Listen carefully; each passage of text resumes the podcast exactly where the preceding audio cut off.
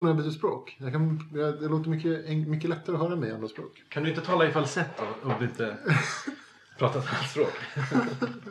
Spanska går jättebra men... men Svenska spanska så har jag en, hög, en högre tonart när jag pratar.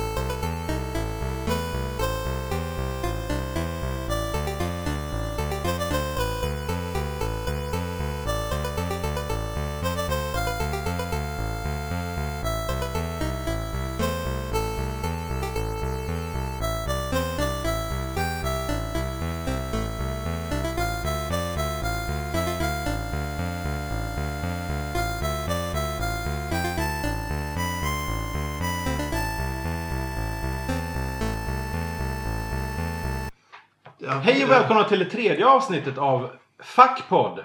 FAQ-podd. Eh, som den här gången spelas in i eh, mitt, Anders, kök.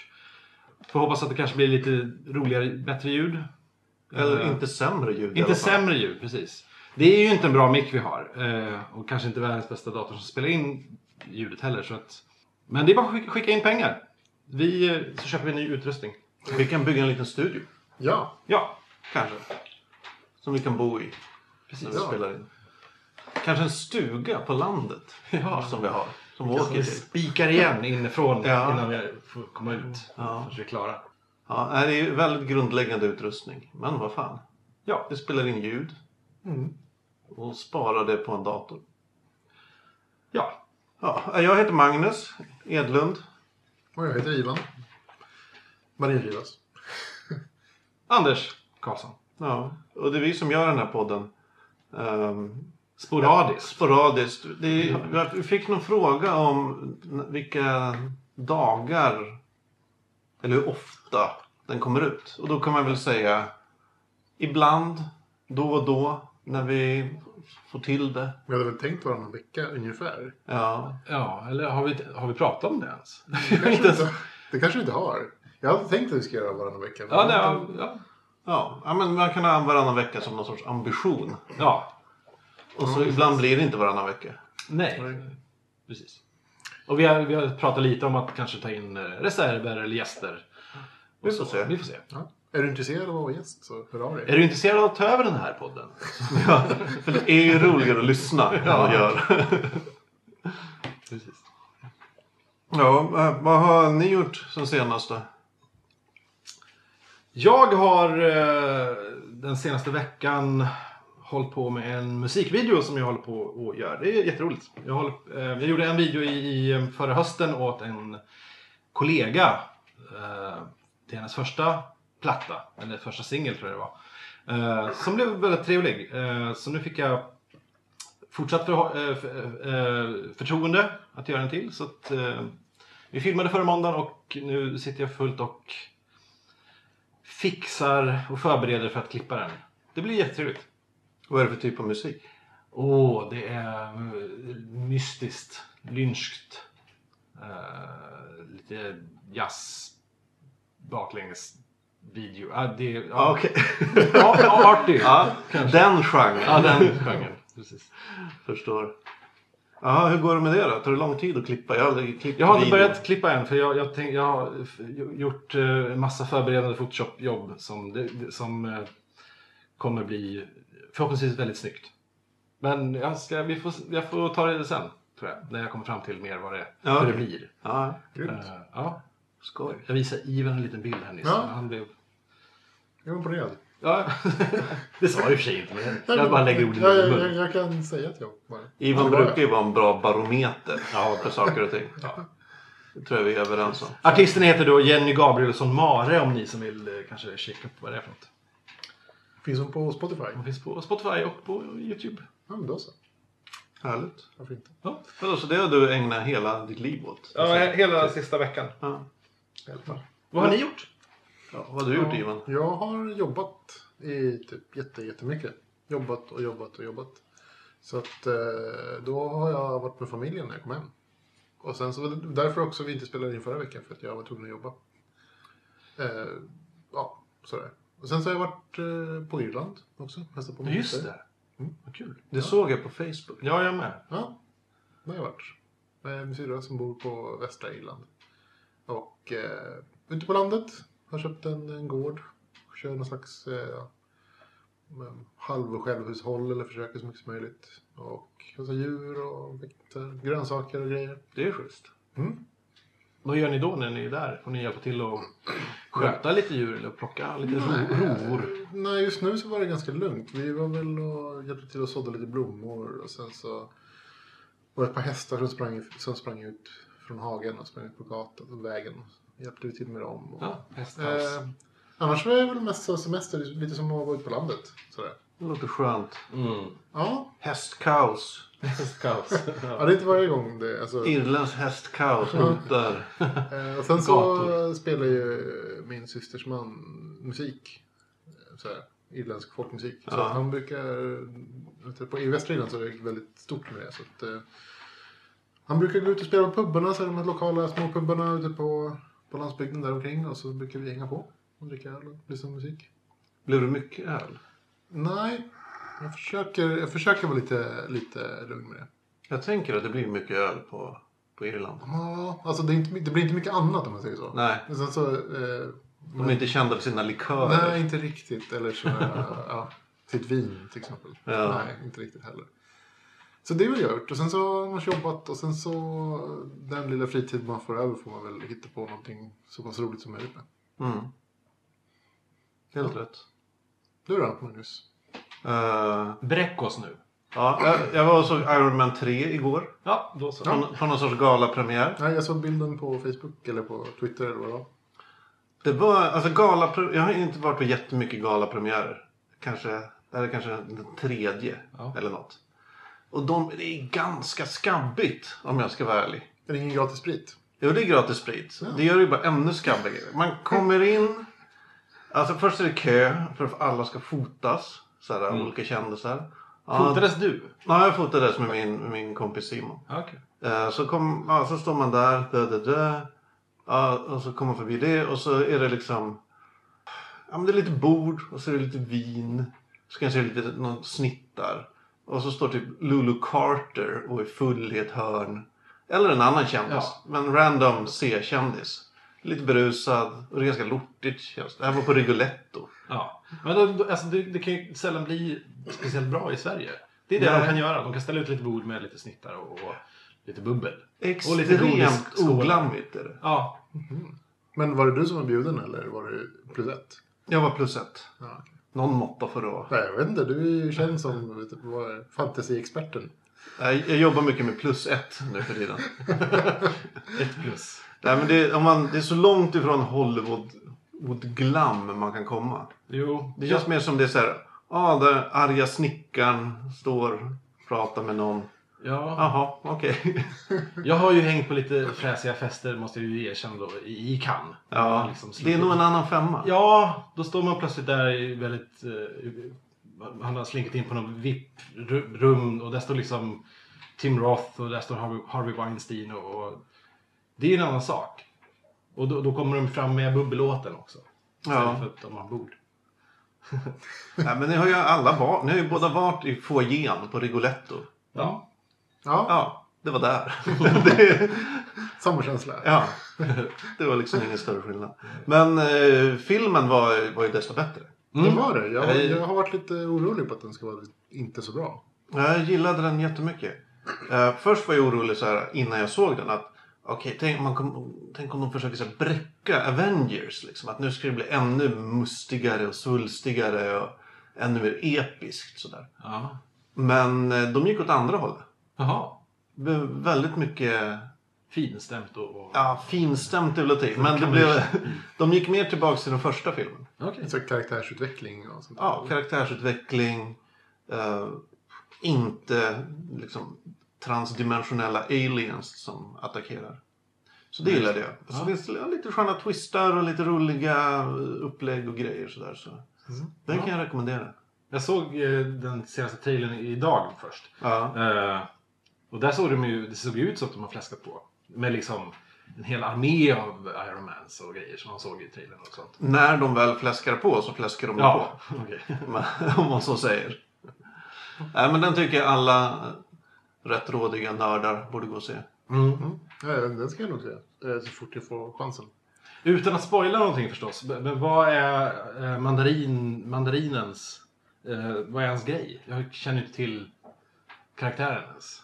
Alltså i, om man, i serietidningen Ja. så är han ju någon, ja men typ någon sorts slentrian orientalisk superskurk med magiska ringar. Ja. Eh, jag ska inte, men det, just det är han inte här. Jag vill inte säga mer. Okej. Ja, Inte så här magiska ringar som de, de, man trollar med och slår ihop och, sitta, nu sitter Nej, utan det är så här, han, har, han har typ mm, åtta ringar eller vad det är. Eller tio Alltså ringar. fingerringar? Fingerringar. Ja, ja. Och varje ring har en speciell kraft i serietidningen. Ja, okej. Och eh, ja, de har tagit honom åt, åt ett annat håll i den här filmen. Okej. Eh, Så gå och se för fan. Mm. Är det något annat på gång nu som man ska se? Jag tycker ju ehm, Hemlock Grove. Ja, jag är med på det. Jag har ju fram, sett fram till avsnitt 6.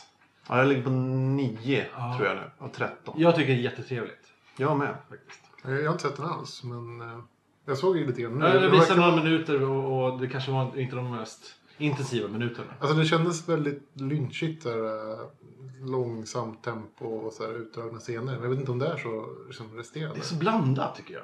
Ja. Det- Och vilket gör det trevligt. Det är, det är lite lynskt och li- lite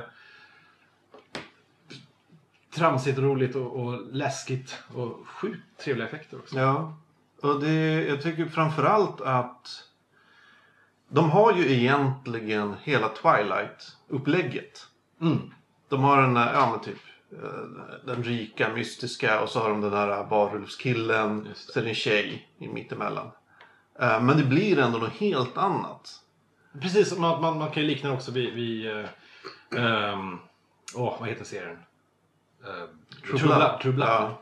Men det är ju också något helt annat. Ja. Men man ser ju någon slags Det känns som True Bloods så här, lite äldre, lite smartare Ja. kusin. ungefär. Men är det bra manus också? Eller? Det tycker jag. Men alltså det är intressant. Jag läste eh, en recension i Svenskan idag av den. Av eh, Kristin Lundell.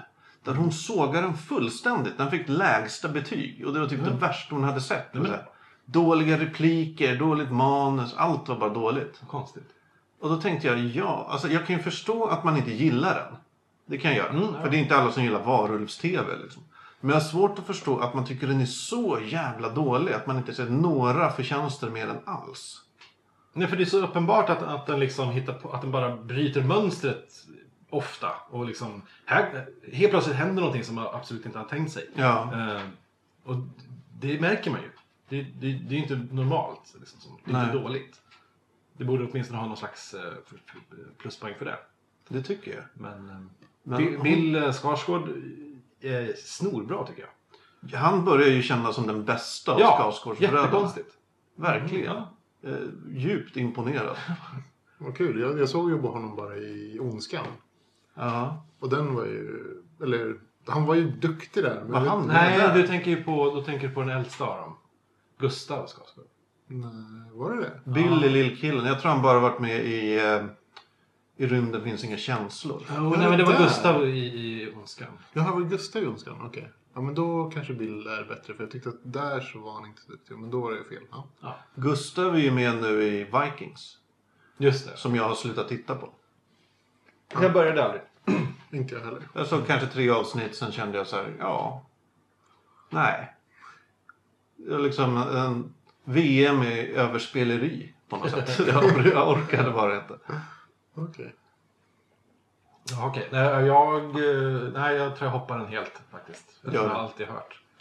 Alltså, vikingar har alltid varit så himla ointressant för mig. Tycker inte...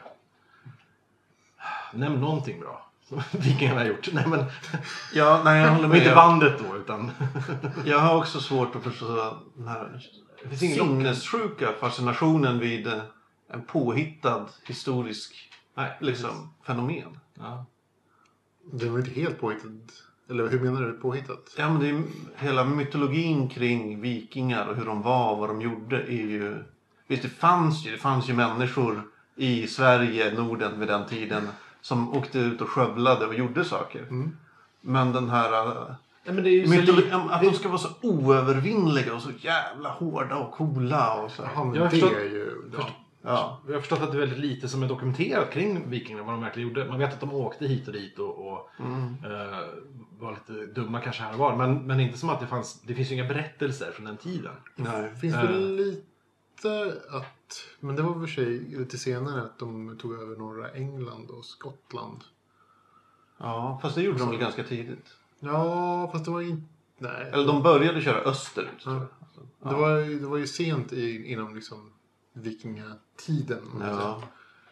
Eh, Fast det var ju danskar. Det var ju, och, Ja, just det. och De var ju norrmän. nästan snäppet värre. Fanns det finska vikingar också? Norska fanns ju. Norska. Fanns säkert, men det var... Nej, jag vet inte. Jag tror det var en annan kultur. Det kanske var en annan kultur. ja. De var nog mer ryssar. De har ju ett annat språk. Mm. Det skulle jag inte säga. Finnar, de var lite mer som ryssar. ja, okej. Förlåt till alla våra finska och finlandssvenska och eh, invandrade finnar så ber jag om ursäkt för det.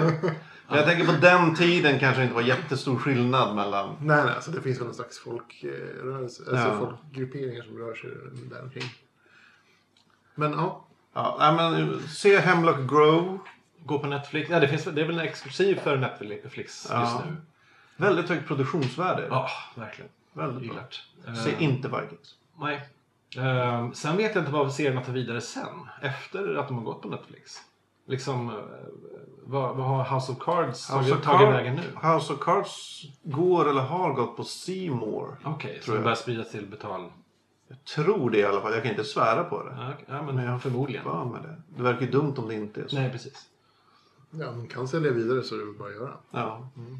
Ehm, Sen har ja, vi ju eh, kikat på det första avsnittet av Defiance. Just det. Syfys serie. Syfilis. Syfilis. Jag tittade på, ja, jag, jag såg ju bara rätt kort nu. Jag såg trailern och sen såg jag typ några sekunder, Ja, någon minut. Vad var dina första intryck av det här? Vad var det ni sa? Eller du sa att det, det påminner om Farscape och det var precis det jag hade tänkt hela vägen. Typ, såhär, när, jag, började se att det här ser ju ut som den där serien med de där konstiga människorna. Som, ja. Och så var det Farscape såklart. Så, Ja, När du sa det så slog det i huvudet det. just det. Eh, och det gör det ju. Skapat av Farscape-skaparen. Och författaren. Just det. Vad han nu hette. Han med det konstiga namnet. Han är... Rob, Rob, något. Eh, det, det står ju här. Rock, Rockney S. O'Bannon. Just det. det. är Svårt namn att komma ihåg. Ja, faktiskt. Eh, och vad kan jag säga? B tyckte jag det var. är väl, är väl min så här, korta summering. Eh, jag tyckte att eh, aliensen såg väl ganska spännande ut. Men kostymerna var väldigt, väldigt fula. Jag hade speciellt svårt för den här stora bjässen med hög hatt och goggles. Mm. Som dyker upp ganska tidigt. Det, skulle ju funka om de kunde motivera det på något sätt. Med att, liksom, att de har hittat massor med mänskliga attiraljer, alltså typ så här, hattar och grejer. Och så tyckte de att det var lite roligt att ta på sig dem. Eh, men om det ska vara någon slags framtids, liksom, eh, så här ser det ut i framtiden. Liksom. Så, Kan jag- Själva plotten till det här, det är idag, typ 2013, så dyker det upp rymdskepp ovanför, ja, runt jorden. Eh, som söker typ asyl. Eh, de har flytt från sin eh, planet, eller vad det är. De En liten parentes på det är att han också skrivit den här senaste rebooten av V. Jaha, han gillar också. saker som svävar Ja, stort i kommer in himlen. till jorden. Ja, precis. Det är grej. Nej, men de, de eh, flydde hit, så sökte de asyl. De ligger nerfrysta på de här skeppen. Några får asyl. Sådär. Och så, ah, men sen blir det trubbel och efter tio år, alltså 2023, Mm. så blir det ett stort krig. Som ödelägger hela jorden på något sätt. På något konstigt sätt. Det är som allt förvrids på jorden. Och de här eh, rymdskeppen börjar krascha ner och grejer. Och så. Okej. så nu är det dålig stämning. Ja, eh, allmänt. Globalt. Så. Ja. ja, det känns konstigt att man skulle gå liksom... Att liksom hög hattmodet skulle komma tillbaka. Bland, Ja. bland aliens 2023. Och steampunk. eh, Alltså ja. steampunk-looken. Eller, eller den här tjejen som hade någon slags eh, baseballhjälm för ansiktet. Ja, det är, alltså det, om man ska sammanfatta det, det finns ju ingen liksom, estetisk linje i, i serien. Nej. Det är först då motorcykelgäng som är klädda i, ja, som vi säger, hög hatt, goggles, baseball, masker, ja, jag vet inte fan vad det är. Sen har vi några som är klädda i typ lakan. Eh, sen har vi typ vanliga jeans en jacka-killar som glider runt också. Ja, det, kän, det känns som att alltså, art directorn, eller personen som har liksom varit ansvarig för kostymerna, inte riktigt har varit eh, in touch med eh, sci-fi. Nej, Alltså, så här, art directorn- vet, vet inte riktigt vad det handlar om på något sätt. Utan Alltså- bara plockat grejer som ser lite roliga ut ur, ur liksom förrådet. Ja. Sett lite för många eh, postapokalypser kanske. Eh, Ja, För det är ju som sagt en blandning mellan... alltså fast ja, det, det är det, ju någon sorts om postapokalyps. man kollar på Mad Max eller någonting. Och tänker sig att folk har på sig liksom saker som man, de hittar. Och jag, jag vet inte, jag tyckte det såg lite B ut. Ja, det såg B ut. Jag, jag skulle lätt kunna köpa hela den där eh, looken om det var bättre gjort. Ja, eller om det fanns någon eller om alla åtminstone hade samma estetiska linje. så att. Ja. Att alla hade sådana saker som de har hittat. Men, men det var inte så. Vissa såg ut som att de kom från rymden. Sen kanske det förklaras. Fram. Jag har bara sett det första avsnittet vill jag tillägga. Det, Jag tror det bara har gått ett. det har kommit ett till Jaha, som gick ja. typ igår eller Okej. något sånt där. Eh, Så det kanske förklaras. Det kanske är ett mischmasch av kulturer och aliens och alla kommer från olika ställen och vad vet jag. Ja, men, ja. Så kan det ju vara. Så alla har olika stilar och kulturer. Och sen så var, jo, sen så var dataeffekterna väldigt dåliga. Ja. Eh, Extremt De här dåliga. spindelbjörnarna som blev skjutna hade typ samma dödsanimation allihopa. Och det är som ett dataspel från 95. Ja, man, man är jättekänslig för sånt. Eh, eller jag är det i alla fall. Alltså, så fort saker upprepar sig precis likadant så, så märks det Mm. så jättetydligt. Extremt tydligt. Ögat märker det. Det är liksom tränat att upptäcka mönster. Ja, Och då eh, ser man det direkt. Precis. Det finns en scen- i slutet när, när jag vet inte vad det är för slags orkliknande eh, var- varelser som klättrar upp från en berg och när de skjuter ner dem så, så de faller så jävla onaturligt så man, man slits, slits helt direkt ut ur, ur fantasin. Och bara, ja, visst ja, det är ju bara dataanimerat. Ja. Ja. Ja, det är tråkigt. Det är tråkigt. Ja, Jag har inga större förhoppningar. Jag kommer se några avsnitt till. Mm. Vem vet, det kanske lyfter och blir helt fantastiskt och i värsta coola plotten bakom allt. Och så. Alltså, jag gillar ju aning. idén att de kopplar ihop det med dataspel. Det verkar ju kul. Ja. Men, det, men, de men det, det ger ju inte mig större förtroende. Det, det sänker ju snarare förtroendet i, för, för serien. Mm. Och för spelet för den delen. Just det, spelet har, vet vi ju egentligen ingenting om. Vi, vet att det finns. vi vet att det finns och att det är ett MMORPG. Har inte fått så bra buzz. Så mycket vet jag. Nej, precis. Nej, det är svårt att bygga bass kring sånt. Det måste vara ett bra spel helt enkelt. Ja, faktiskt. Vi kanske får återkomma till, till den. Ja, jag tror nog så. Serien. Jag kommer ju inte spela dataspel. Nej, det kommer inte Men eh, serien, absolut. Kan vara bra, vem vet. Eh, jag, gillar, fram, jag gillar ju att det är, om man ska se det positiva med den. Jag gillar att det är någon sorts eh, postapokalyps som inte är zombies. Ja. Det har gått lite inflation i zombies. Än så länge. Ja, än, det kanske kommer zombies. Som jag vet inte. varelse från ytterrymden. Eh, Och man blir bara glad. Ja, det är rymdvarelser. Det blir jag lite glad av. Mm. Så det är väl det, är väl det positiva. Mm.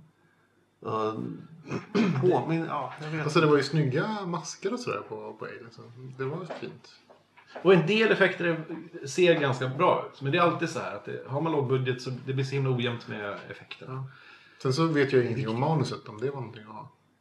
Nej, Nej, ja, det är väldigt stereotypt. Skulle jag säga. det är Och jag mig speciellt på eh, den, den lyckliga horan som dyker upp där. Hon jobbar, i, ja, men hon jobbar i en bar, hon är prostituerad. Hon älskar att vara prostituerad. Jo, men vad, vad jag tänkte på i de, de scenerna vid, vid eh, horhuset. Ja. Det är som att direkt när de kom in där så, så förklarar de att, att det är både män och kvinnor som är prostituerade här. Ja. Det direkt kommer fram ett, ett, en kille och en tjej och hej, hej, vill ni ha något? Eh, och eh, det är lika mycket män och kvinnor där inne som, som säljer sig. Vilket det gillar. Det kan jag gilla. Det är absolut det är bra. Det tänkte jag faktiskt inte på. Men när du säger det så, så var det ju. Har ni tänkt förresten på, på tal om tv-serier och prostituerade att i Game of Thrones senaste så var det nästan inget naket alls.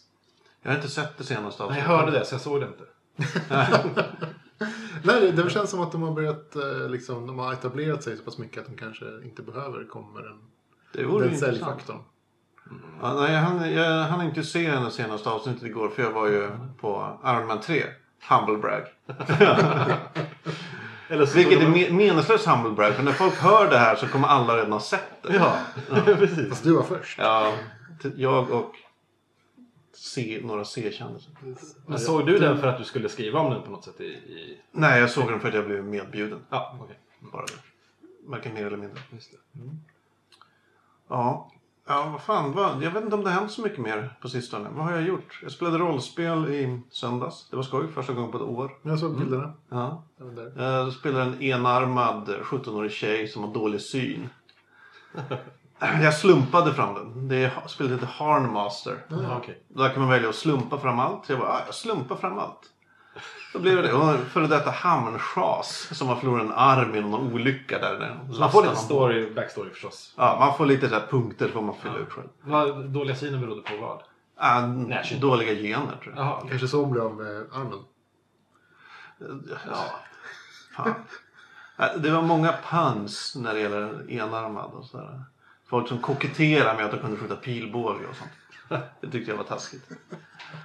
Nej, men det var skoj. Det var faktiskt länge sedan jag spelade rollspel. Så det, det, var, det var roligt. Det får du göra om. Och jag lirade med folk jag aldrig hade lirat med förut. heller. Ja, spännande. Så det är också en upplevelse. Och jag tänkte, det är, jag vet inte om du känner så, men det är en, en Var de ganska- medvetna om att du spelar med dem? Så du inte De var medvetna om Ja, det. okej. Ja, där, vi, vi hade samlats för detta Ja. syfte. Men Ivan, du spelar också rollspel. Ja. Och en känsla, jag får, eller liksom en... Det, en... det känns ganska intimt att spela rollspel med andra människor. Det, det känns intimt att spela ut sin roll med andra människor tycker jag. Ja, Det är liksom, man måste ju... Innan folk känner varandra så, måste, så vet man ju inte vad som är liksom din personlighet och vad som är din, din karaktärs personlighet. nej. Och om du presenterar dig som din karaktär som kanske inte är din personlighet så känns det väldigt konstigt. Och då kan folk inte längre, eller jag känner att folk inte längre har liksom det här Vem är du egentligen? Utan då, då blir det bara den här konstiga killen som, som verkar, så här, verkar vara schizofren och två stycken eh, liksom, karaktärer i dig. Det är en bra iakttagelse. Så att jag, jag tycker att det känns, det är liksom för att känna sig trygg i det så måste man, måste man känna att folk vet vem man är. Ja. Och sen är det ju, i olika grupper uppstår det ju... Nu är det sällan jag hoppar in i helt okända grupper och spelar. Det här var... Ingen hade någonsin spelat med någon annan tidigare. Men vad var det för slags samling av folk? Nej, men det var min kompis eh, Mattias som eh, hade sagt att ah, jag, vill, jag vill spela The Harmmaster. Och så sa jag ah, jag vill vara med. Och så var det någon på Twitter som sa ah, jag vill också vara med. Ja, Och okej. så kände han någon som ville vara med. Och så, ja, Finns det en hashtag för rollspels-tweetups? inte vad jag vet. Jag brukar bara hashtagga med rollspel när jag twittrar något om rollspel. Ja. Jaha. Hur gick det då? Gick det bra? Ja, det gick bra. Det är mycket så här eh, upp, uppsnack liksom innan vi väl kom igång. Men det gick bra. Ehm, Fick ni en bra dynamik i gruppen? Ja, jag kände det. Vi var, förutom jag då så var det en, en arbetslös alkemist. Som... Ja, men så här bortskämd snubbe. Som på något sätt kom på villovägar. Eh, och en... eh, mm, vad heter det? Legoknäckt som beskrevs själv som... Eller hon spelaren bes- beskrev den som en ung Sam, Sam Vimes från uh, skivvärlden. Okej. Och ett jävligt kaxig, ja men typ som barbar. Mm. Det var en bra, bra mix. Det, jag tyckte det funkade bra. Och så. här. Mm. Men ja. Ja, det är väl vad jag gjort på sistone. Ja, jag lyssnar jättemycket på Crazy Town också. Podcasten. Jaha, just det. Satan vad jag lyssnar. Jag börjar om eh, från avsnitt ett. Eller börjar om, jag har inte lyssnat så långt bak förut. Men... Okej. Och, och då märker jag så här, jag lyssnar, när man lyssnar så mycket, det är två personer som sitter och pratar. Mm. Man lyssnar, lyssnar, lyssnar. Till slut känner jag, nu börjar jag tänka som de här människorna. Mm. Nu börjar jag prata och använda samma uttryck som de här människorna. Ja, men så är det lite. Jag lyssnar ju... Ja, väldigt. Jag, jag, du tipsade i avsnitt ett tror jag om den här En varg söker sin podd. Ja. Jag, jag lyssnade på ett avsnitt men det var jättedåligt tyckte jag. Så jag, jag tror inte jag återkommer till den. Vilket var- avsnitt var det? Senaste. Det kommer inte jag ihåg Det var det mest ens. fnitter och, och löst prat om Ulf Lundell och det var väldigt o- Just det, det oklart. Ulf Lundell-avsnittet. Ja, det var inte, Som var byggt lite på så bästa. här 90-tals Uffe kanske. Jag kan inte Ulf Lundell, jag hatar karln. Men men det, det kändes som att det där är ju gamla tidnings... Är de? Ja, jag vet inte om de bottnade riktigt i sin Ulf. Lundell-diskussion. Är det Ulf Lundell som skrev den här boken? Han har skrivit många böcker. Ja, men om, om sin son. Jack. eller. Jack. Till exempel. Är det? Ja, Ja, det det. fast det är ju om honom själv. Ja, det var hon själv. Okej. Ja, Nej, inte Jack är ju inte det. Jack är om honom själv. Nej, det är, väl, det är ingen självbiografi. Ja, men Ja, det det är kanske- typ Ja, såhär... Istället jag, för, istället för Marie, Mi, vad heter hon, Mia Pia Boetius så heter hon typ Kerstin eller något. Nej usch, vi pratar inte mer om Uffe. Ja, nej, Jag blir arg. vi går vidare från Uffe. Vad fan ska vi prata om idag? Vi hade eh, nej, tänkt att prata om postapokalypser. Jag säger igen, postapokalypser. Eh, och vad det är eh, egentligen. Men det hade ju kanske du en, en inledning på eller någon slags... Nej. Varför skulle jag ha det? Din idé! Tror du jag har förberett någonting? Ja, nej, jag vet inte. Jag, jag har kommit in i någon sorts post-up-fas. Säger man så nu? Postapp? Post, ja, jag säger det nu. Ja, men det- från det är nu. så jävla jobbigt att säga Ja, post-apokalyps. Det är som postapokalyptiskt. Ja, det, det tar aldrig slut, bara stavelser. Nej, men jag kom in i någon post-up-fas i och med att det här gamla rollspelet MUTANT ska återupplivas. Ja. Eh, av eh, ja, nya snubbar som gör det. Och eh, då blev jag så här, ah, postapokalyps. Det är häftigt, det gillar jag. Och så blev, blev jag lite besatt av det och tänkte, det kan man ju prata om hur, hur länge som helst. Ja. Jag, jag måste säga att jag har faktiskt aldrig varit ett riktigt fan av, av MUTANT. Inte? Nej, Nej. det är liksom så här, för mig är det så här banjo postapokalyps. Och inte då i, i den längsta färden. Eller vad heter den? Jo, men lite så längsta färden banjo postapokalyps. Man, man är i skogen, man typ träffar massor med hillbillies. Och sen så är det massor med, alltså, allting känns som att man är, man är liksom i Appalacherna och, typ träff, och håller på och liksom muckar med, med hillbillies. Jag tror du har haft dåliga mutantupplevelser. Jag tror det är Ja, det. det, kan, det kan vara, men det känns aldrig riktigt så här att man får inte den här kittlande känslan att man känner igen sig. Nej. Vilket är ju det som, som för mig är så postapokalyps. Liksom, att man, så här, man har den här kittlande känslan av att man, att man vet vad som finns bakom allt. Liksom, så här, oh, så här, under vattnet så finns en stad och den staden vet vi vilken det är. Så här, för att vi, vi vet det. Och så får man det här kitt, lite kittlande, typ så här, oh vad spännande. Det här är liksom, man känner igen sig på något sätt och man börjar liksom leva in sig i världen. Fast det är din värld, fast den är annorlunda. Så här.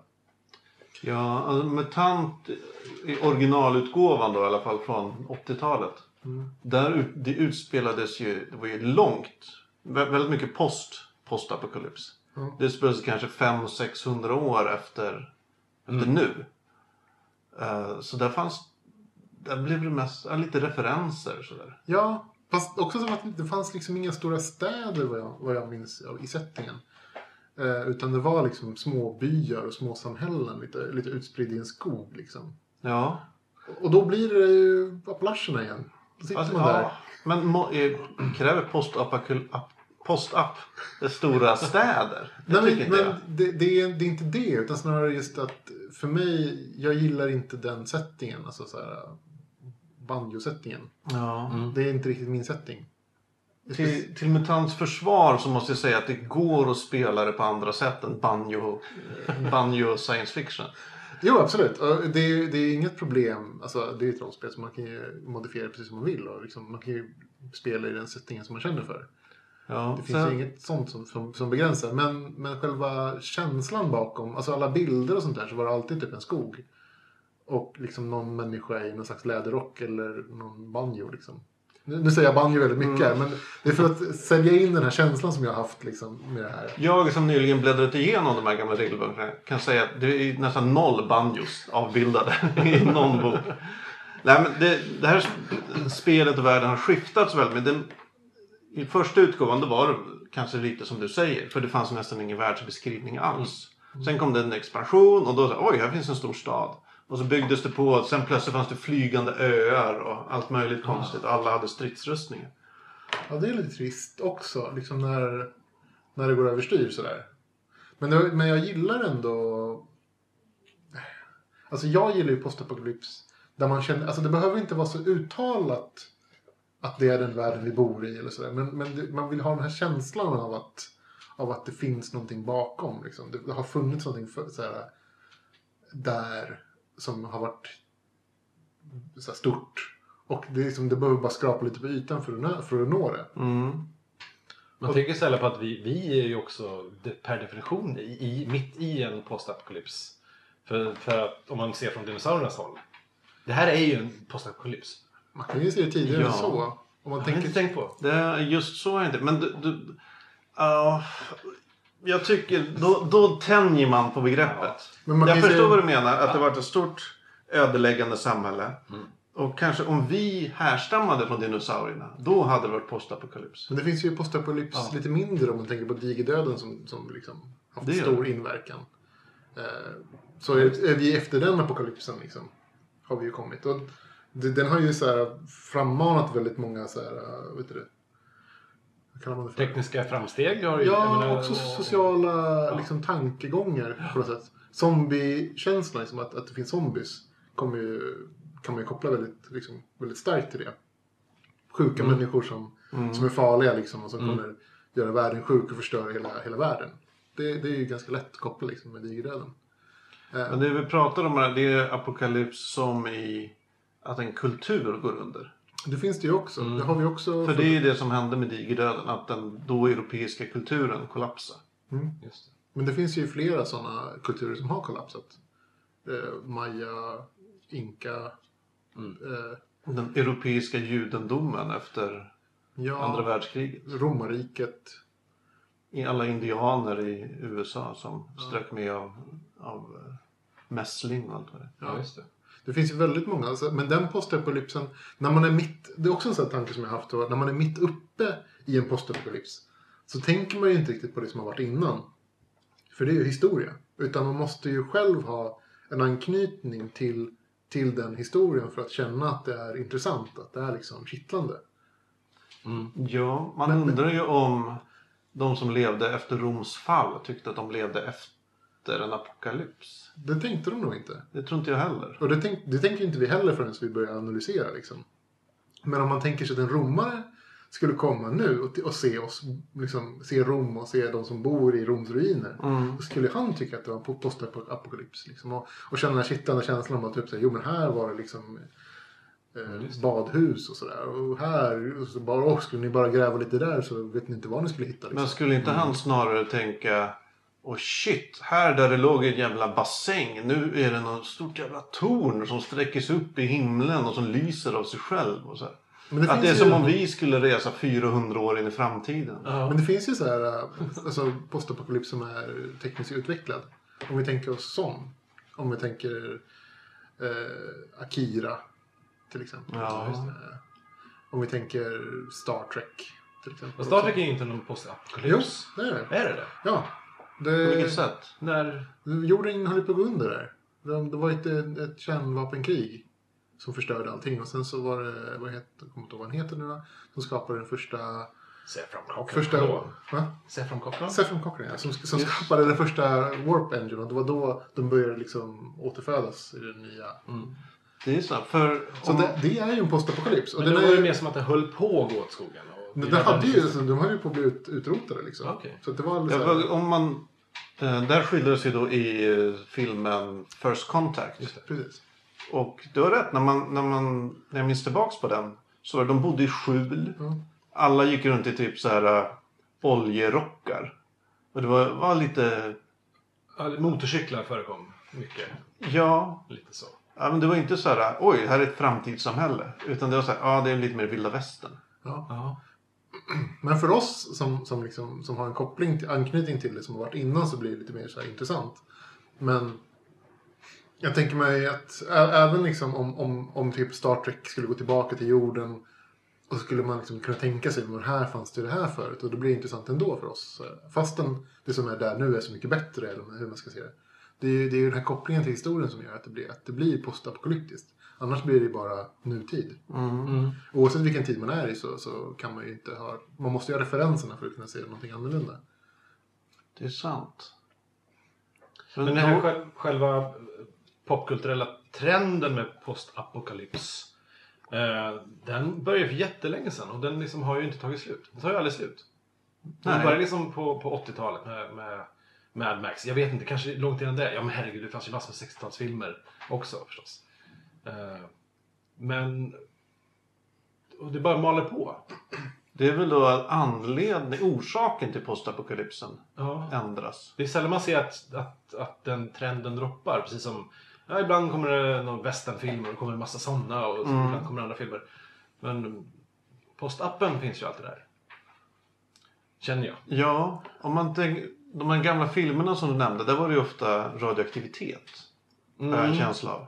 Ja, Eh, precis. det här slänger jag bara ur mig utan att riktigt ha Nej, något jag tänker på. Apernas planet som var en liten skruvad postapp. Ja. Um, Omega Man kanske och sådana grejer. Jag menar, det kanske började där någonstans på 60-talet.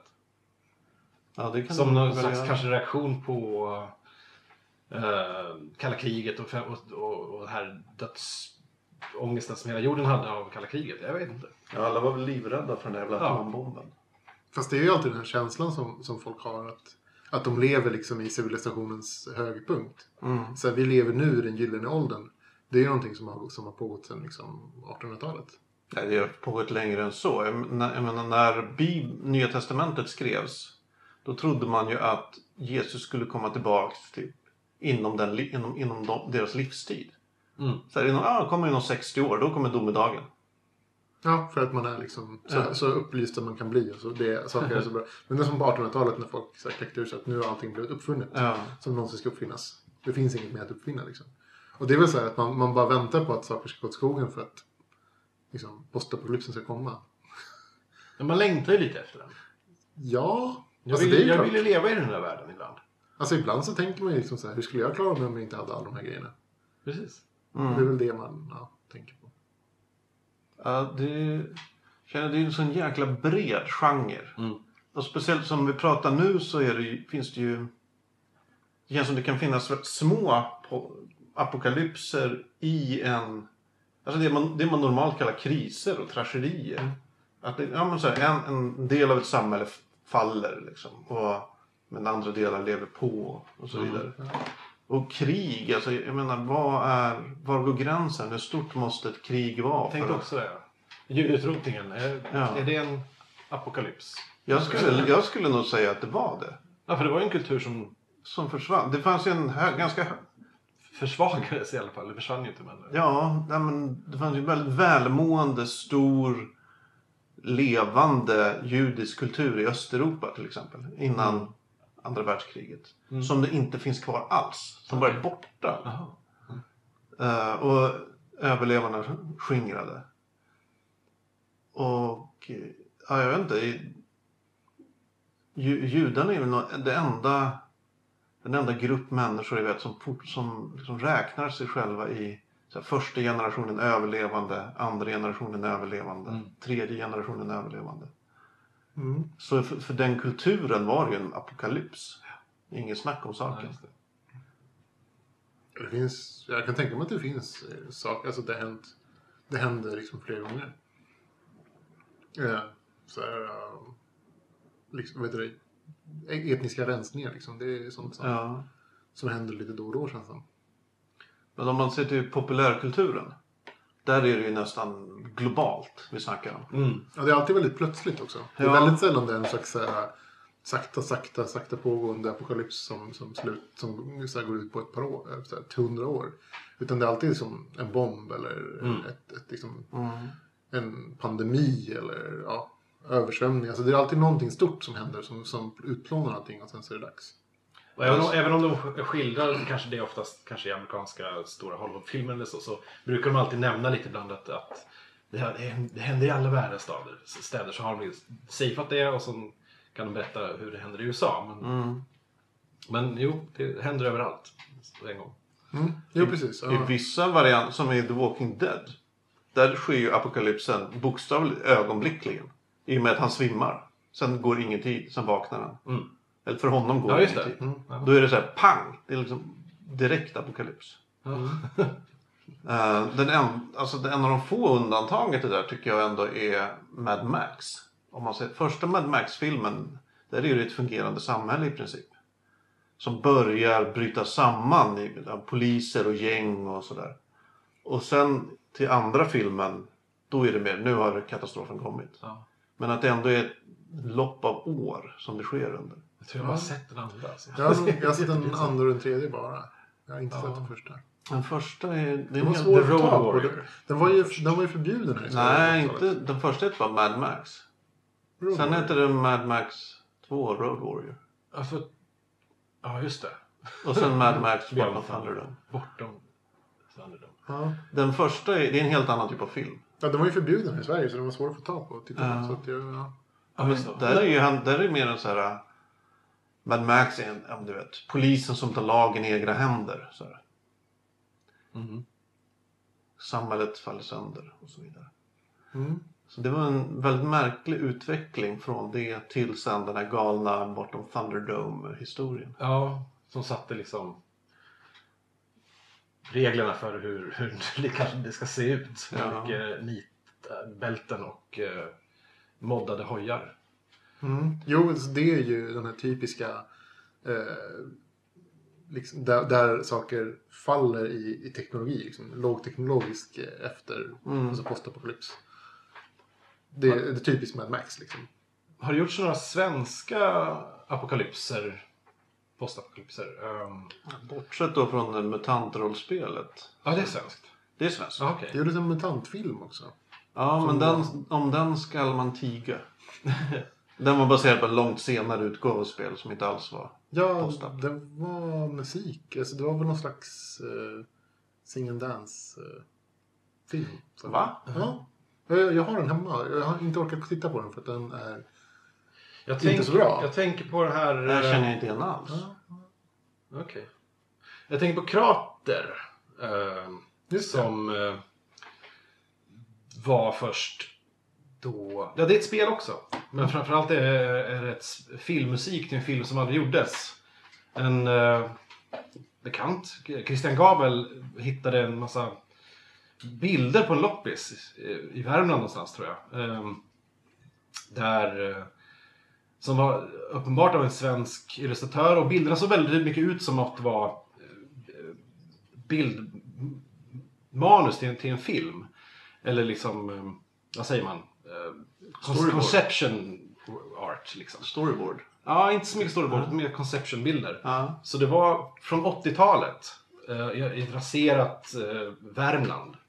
Massor med så här gamla polisbilar som kraschade och tomt på människor och, ja, postapokalyptiskt helt enkelt. Um, uppenbarligen från en film som inte blev av. Ehm, så han, som ändå är en hejare på musik, gick hem och gjorde filmmusiken till den här filmen som inte blev av. Väldigt inspirerat av, eh, av eh, shit, vad heter han? Flykten från New York. Eh, John Carpenter. Ja, Carpenter musik. Skitbra soundtrack. Det, passar, det, det vill jag gärna tipsa er om att ta en lyssning på. Krater. Sen blev det här också ett spel. Eh, för att han, snack, han, han träffade på folk som höll på att göra en slags postapokalypsspel här i Sverige också. Som, och det spelet heter nog också Krater. Det heter. Krater. Ja. Ja. Det är ett väldigt bra spel faktiskt. Jag eh, spelade, jag, jag, jag hörde talas om spelet först och inte Mm. musiken. Eh, och så, så kollade jag på det. Sen så, väldigt snyggt. Eh, väldigt svenskt. Och det är trevligt. Att det liksom inte är amerikaniserad postapokalyps utan verkligen svenskt. Mm. Små röda stugor liksom som ute och, och sånt. Och, ja. Man känner igen sig liksom på ett helt annat sätt. Eh, än vad man brukar göra annars. Och sen så är spelmekaniken är väl bra med sina brister. Men överlag så är den faktiskt väldigt bra. Jag råder er att titta på dokumentärfilmen eh, om den här eh, filmmusiken eh, som finns på Youtube. Ska det finnas. Är Bara söka på Sök på, på Krater och eh, Christian Gabel. Kan ju tillägga att Gabels musik, kratermusiken, Mm. används i trailern till det nya mutantrollspelet.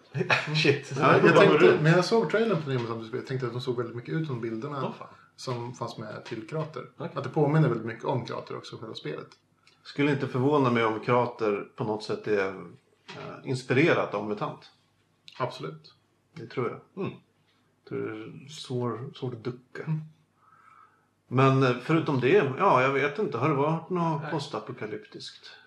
Jag vet det var någon som, jag vet inte om den boken kom ut. Jag läste en artikel i min lokaltidning för flera år sedan. Att någon skulle skriva om eh, postapokalypsen på i Hornstull. Mm, den boken har jag. Oj. Den heter Jobs bok. Någonting åt det. Ja, kanske.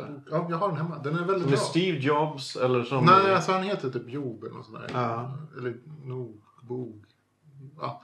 Han heter, eh, den är faktiskt väldigt bra. Eh, jag rekommenderar den. Den är mycket bättre än jag trodde den var. Och eh, vad jag trodde den skulle vara. Och verkligen ett väldigt, väldigt bra twist på slutet. Intressant. Eh, värd att läsa. Okej. Jobs bok. Ja. Eh, skrevs av en svensk kille. Handlar om en kille som bor i Hornstull. Typ, och liksom postapokalypsen och hur saker har gått åt skogen. Och där är det faktiskt ändå ett, så sakta förfall in, in i det där. Liksom. Och de, de pratar lite grann om hur, hur det gick till. Alltså, tanken är att eh, huvudkaraktären vet inte så mycket om hur saker har gått till. Så man får liksom härleda ganska mycket själv. Och det är ju ganska skönt att, att det är så. Mm. Så att man inte blir matad med något. Sen undrar jag. Det är ju det är en genre som är väldigt svår att artbestämma postapokalypsen. För just apokalyps kan ju betyda så mycket. Mm. Eh, och vad går grän- är, är till exempel Ajvide Lindqvists hanteringen av odöda, är det en postapokalyps? Jag vet inte, eller är det bara en skräckis? Jag har ingen aning. Ja, precis. Och ja, det, det är ju en ganska knepig genre. Ja. Vad, alltså, ibland känns det som att vi lever i en nyliberal postapokalyps. vi är mitt i, i, i efterdyningen av den nyliberala apokalypsen som kom kanske på 90-talet. Jag vet inte. Ja. Det är en känsla jag har ibland. Ja, det är du och Johan Kroneman. Ja.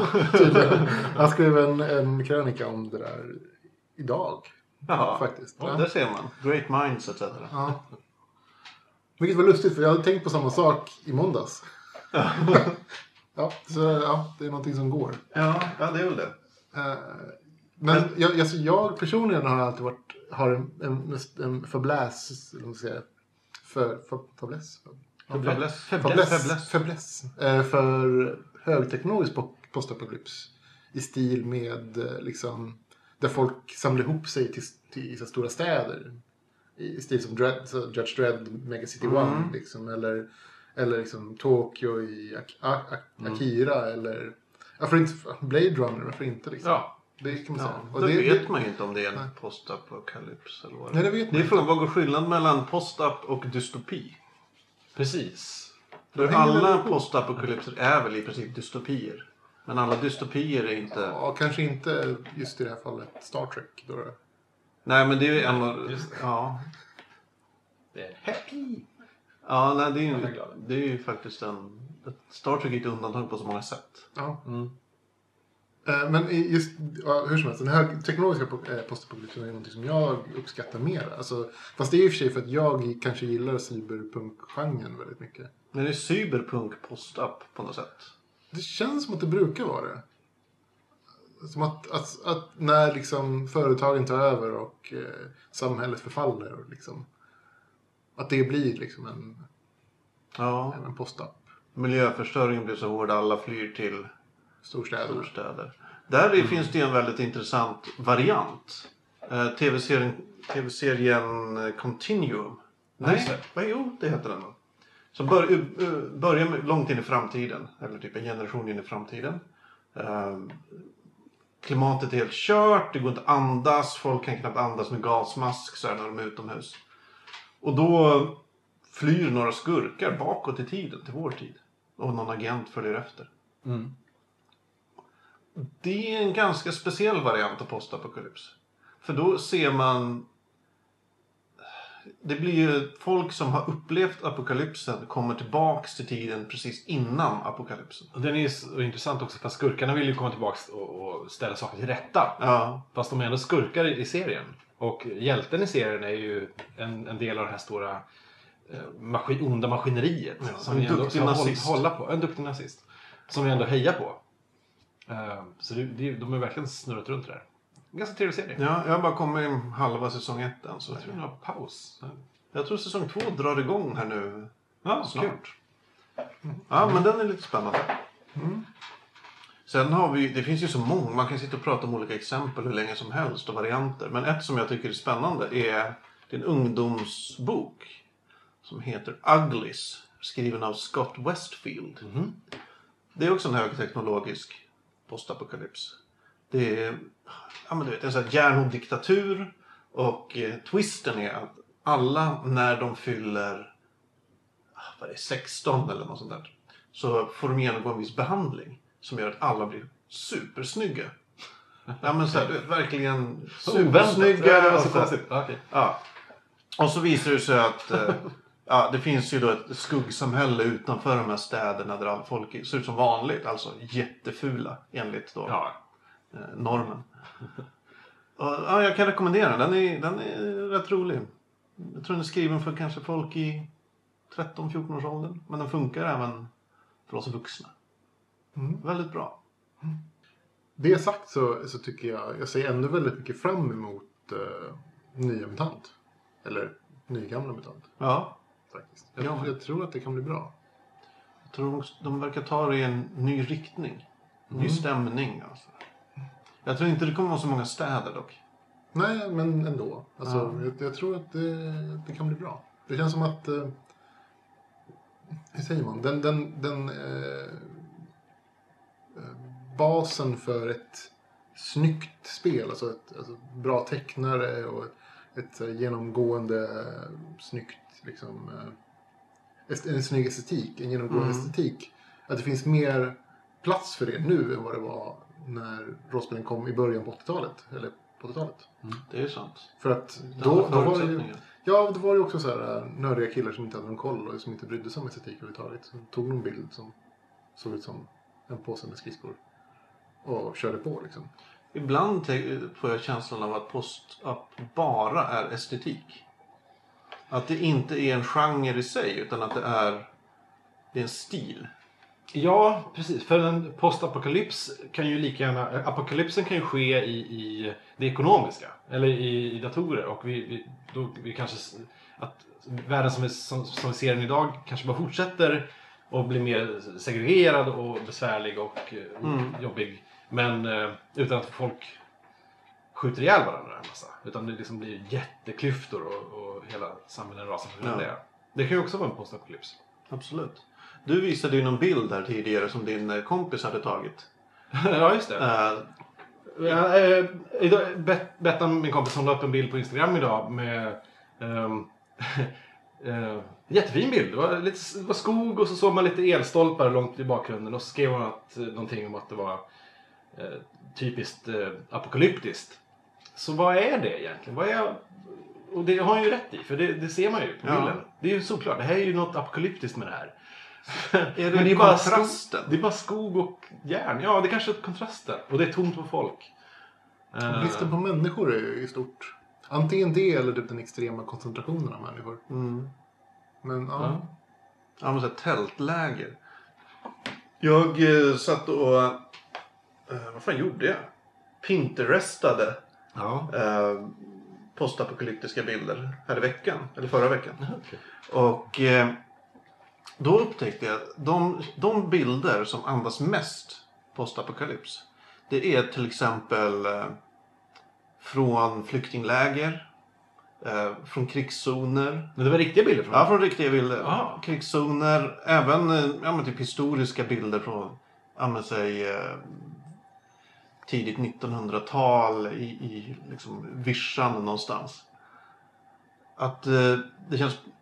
Vad är det? William Gibson brukar säga framtiden är, är redan här men den är olika distribuerad. Och då känns det även som postapokalypsen är här fast den är har olika spridning i olika områden. Kanske. Alltså Ja. går man till ett flyktingläger i Somalia eller var som helst. Där är ju, det är ju värre än alla föreställningar om apokalypsen. Mm. De lever ju i den. Så det är, jag får lite känslan av att Postap är, ja, men det är en sån här välmående västerländsk... Ja, men det är en Fantasi. romantiserad bild som, och det finns hjältar och det finns onda. Ja. Eh, Det är ju en sagovärld. Eller? ja, för det mesta. För oss är det ju det. Ja, säger vi nu ja. Så om 20 år så skrattar vi oss åt, Ja. åt oss själva. Ja, men just nu sitter vi i en schysst lägenhet på Södermalm i Stockholm. Har det ganska gött. Ja. Det är, apokalypsen är inte jättenärvarande här, Nej. här i ditt kök, Anders. Men erkänn att vi känner att den kommer. Det gör man ju. Jag är helt övertygad. I någon form av... Det är men, någon komet som slår ner någonstans. Det blir jättejobbigt. Jag tror snarare att eh, miljöförstöringen och klimatförändringar kan ge en jävla skjuts om kanske inom vår livstid, kanske inte. Översvämningar, det, det är ju ett säkert kort. Ja, Eh, och Det har vi ju... Det stora, kommer vi ställa till det. stora flyktingströmmar. Så, Ekonomisk kollaps. ja. Och vad leder de flyktingströmmarna till? Förmodligen bråk. Alltså, Det lär det göra. ja, garanterat. så här, ja. Det leder ju redan Det är till ju re, ja, precis vad jag menar. Alltså, det är ju redan där. Ja. Bråk. Här i Sverige. Liksom. Så det, ja, usch. Ja, fan hela Europa är ett gated community. Ja, och det kommer ju inte hålla då. Och vad händer då? Ja, vad fan händer då? Mm. Samtidigt är det ju så här, ja.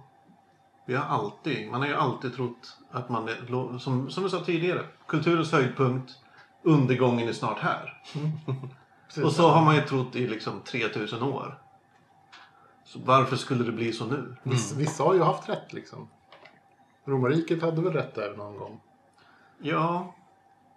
Men då är vi tillbaka, vad fan är apokalypsen? Där var det ju också det var ju en lång, lång nedförsbacke för romarriket på flera hundra år. Mm.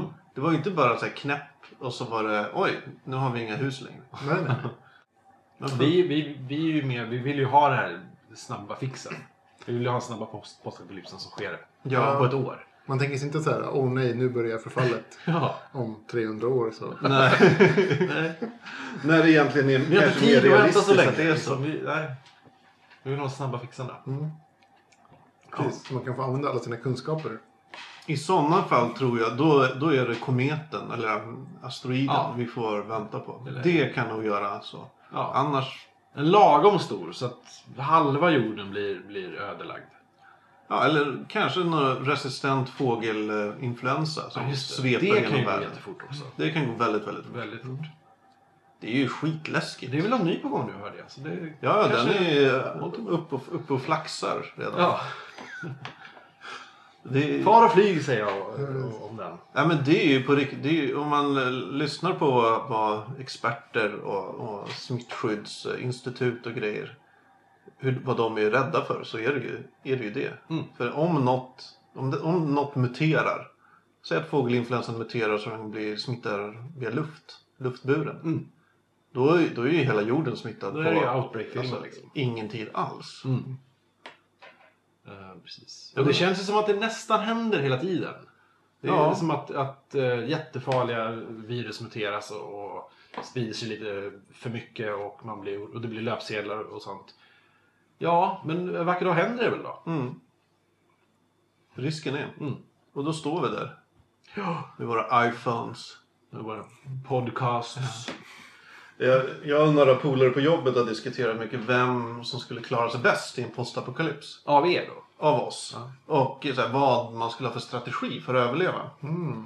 Eh, jag har en, en kollega som är, ja, han är ju jägare. Eller han jagar, han har varit fjälljägare. Han är typ fiskar, duktig i vildmarken. Alltså, är väldigt händig. Mm. Han känns ju spontant som han skulle klara sig bäst. Han skulle dra sig tillbaks till sin sommarstuga och så bara vara där. Mm. Med sina vapen och lite utrustning. Liksom. Ja, men är man jägare så har man ett försprång med att man har vapen. Extremt försprång. Och man har också folk efter sig som kan vilja ha de här vapnen. Kanske. Det är det jag man har är tänkt. också lite mer utsatt kanske. Ja. Som nörd så har man ju typ sina böcker och sina serietidningar. Det är inte riktigt samma sak. Nej, men å andra sidan har man en livstid av att ha tänkt på postapokalyps. Ja. Och funderat på Man postapokalyps. kanske skulle ha en bättre strategi än de flesta. Ja. Ja. Ja, alltså. Bettan gick ju den här kursen eh, på ABF. Den här eh, zombie... Ja, hon gjorde det. Ja, Ja. två terminer tror jag. Eh, Så hon gick ju den med några kompisar. Ja, kan bjuda in henne som gäst som hon berättar. ja gärna. Ja. Det vore fantastiskt. Jag vet, vad skulle er strategi vara? Det första jag tänkte. Domedagen kommer snabbt. Ja, Pang. det är som att ehm, få tag på konserver. Alltså, bara för att överleva Först tänkte jag så här. Att få tag på en massa konserver, barrikadera dörrarna och allting och det där. Men det är ju inget kul liv. Då sitter man här. TVn är ju avstängd säkert. Eh, så vad gör man då? Elen försvinner. Jättetråkigt. Börja läsa om alla sina Ja, böcker. man har mat och allting. Man överlever men man har supertråkigt. Och det är ju inte det livet man vill leva heller. Så då... Nej, då kanske man skulle hitta någon stuga nå- någonstans på vischan. Ja, Ja, alltså jag, jag tänker... där slutar jag tänka. Jag tänker så här, jag håller med dig. Och jag tror att man, man skulle bli toka och stängas inne. Mm. Men samtidigt tror jag att det svåra när apokalypsen kommer, kommer vara att överleva den första månaden. Vi, För vi då pratar kommer- zombie nu eller? Nej, vi pratar vad fan som helst. Ja. En stor katastrof som omkullkastar allt. Så Mm. det blir kalabalik, folk Okej. flyr eller gör saker. Och, ja men du vet, samhället störtat. Det behöver inte vara zombier. Mm. Eh, det, det kom, om folk vet att det var konserver kommer de komma hit och försöka bryta sig in och ta Ja, dina konserver. Så är det ju. Och, och jag tror alla kommer försöka ta sig till sina landställen eller bort från storstäderna. Så. Mm. så tricket är väl antingen att verkligen gömma sig eller totalt vara före alla. Vara den som, ja, man har redan sina, sin stockpile av grejer och man kan snabbt som fan ta sig iväg. Man ger sig inte ut i en, i en bil på E4 liksom, och fastna. Nej, det kanske Nej. man inte gör. Vad, vad skulle du ha för strategi Ivan? Eh, alltså jag, jag tänker ganska kortsiktigt. Jag skulle väl först försöka säkra upp vatten. För det är väl det man behöver mest och snabbast. Det har jag tänkt på faktiskt. Och liksom så här, Spola upp en massa vatten. tänka liksom vart får man tag på vatten. Och här i Stockholm så är man ju ganska... Eh, det finns mycket vatten Mm. omkring. Som man kan dricka mer eller mindre Ja, i omgångar. Eh, och nästa grej är ju mat. Så här, vart får man få mat? Och tredje grejen är att försöka bilda någon slags samarbete med folk. Eh, det kommer ju bli knepigt liksom, när, när sociala strukturer faller. faller. mm. Och förtroendet för andra människor liksom säckar ihop. Och bilda någon slags liksom, samhälle, om säger, någon slags, liksom, en grupp av människor som litar på varandra. Då vet man ju att de som, där, de som redan har grupper, typ Hells Angels, kommer att ha ett försprång. Ja, absolut. De har en organisation och redan en gemenskap. Mm. De kommer ju lätt inmuta hela kvarter Ja, på ingen tid alls. ja. Just det, shit. Ja. Men det känns som att liksom, steg ett är bara överlevnad, steg två är väl att försöka ja, gå vidare på något sätt. Ja. Hitta någon långsiktig lösning kanske. Ja, För efter ett tag kommer det ju bli jävligt svårt att överleva i en storstad. ja alltså storstäder är inte gjorda för, för människor på det sättet.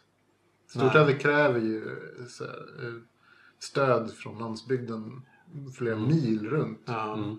med mat och människor. Liksom, om man tänker sig antalet människor, hur mycket man äter liksom, per dag. Och det ska liksom, man ska odla det själv. Det, det tar ju hur mycket plats som helst. Ja, Jag stor... ska inte ens kunna det. Jag ska inte ens kunna odla någonting själv. Skulle Nej. ni... Nej. Jo, På riktigt? Potatis kan man odla. Potatis skulle jag nog kunna odla. Men det är också Jo, så men det- när ska man plantera? När Ja, ska Du kan inte vara man... hungrig i, Man- i fem månader. Man ska kupera potatis också. Man planterar när kärlen går i marken. Ja. Man kuperar var tredje vecka tror jag. Så, Ja, men så du, du vet ju det här. Men Jag vet kan man inte plantera varför. så mycket potatis att man överlever ett år? Man kan inte leva bara på potatis. på, en, på en kvadratmeter potatis kan du få ut cirka 40 kilo om året. Vad var Hittar du bara på? Nej, nej. Kan. Jag har en tendens att absorbera information och den, den fastnar genom osmos i mig. Ja. Okej, ja. Ja, Jag vet själv inte riktigt vad jag skulle göra. Jag har ju inga vildmarksskills Jag alls. tror vi är helt körda alltså. Du och jag. Tricket är väl kan få hänga med mig. Ja, Ja, ja. tack.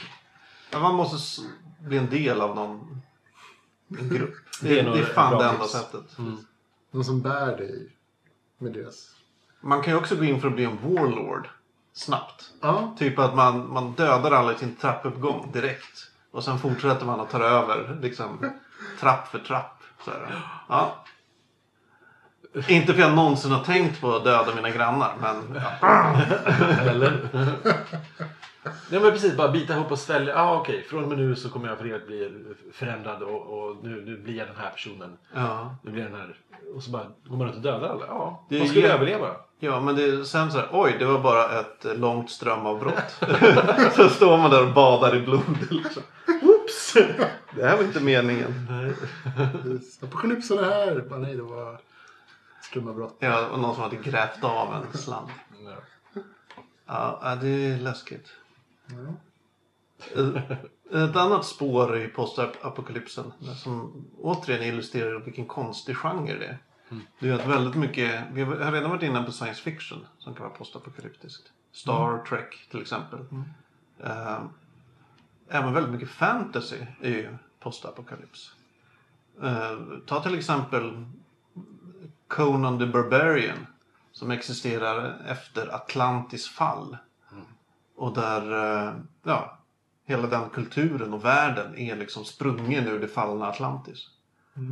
Fast det är väl jättevanligt i fantasy Det är extremt vanligt. Att det alltid har funnits en högre stående kultur lite innan. Ja, Och att liksom magiska saker och överlägsna attiraljer kommer därifrån. Det är väl hela så dungeon bashing eh, grejen. Liksom att man har ingen anledning att gå ner i en grotta och slå monster för att hitta gammal, gamla prylar. så om, inte de, bronsåldersföremål. om inte de är bättre än vad man själv har. Ja. Liksom. Det är inte så att vi liksom går iväg och dödar djur och tar stenyxor. Nej, Nästan all rollspelsfantasy är ju av den eh, varianten. Ja. Till exempel, ja, oj nu sitter jag och rapar. Det var inte meningen. Forgotten Realms till eh, Dungeons and Dragons till exempel. Sagan om ringen. Sagan om ringen. Eh, vad har vi mer? Robert Jordans Wheel of Time där hela premissen är att för 3000 år sedan fanns det en jättestor civilisation. Och sen, Game of Thrones. ja, ja Valyria där ja. Valyria. Old Valyria. Så det är ju, fantasy är postapokalyptiskt. Ja, det är svårt. Oftast i en magisk värld. Mm. Ja. Det är svårt att ha fantasy som inte är det. Det känns som att... Ja, annars finns det liksom ingen historia att, att luta sig mot. Nej. Nej, det gör det faktiskt inte. Och, Det, här, eh, det episka försvinner liksom. Det är inte så att de anser sig själva på toppen utav sin... Liksom, att de är toppen utav... eh, utav eh, tiden. Tidens... Nej, men att, att de är i en gyllene ålder. det. Är väldigt sällan en fantasy-setting anser sig själv vara i en gyllene ålder. Nästan aldrig.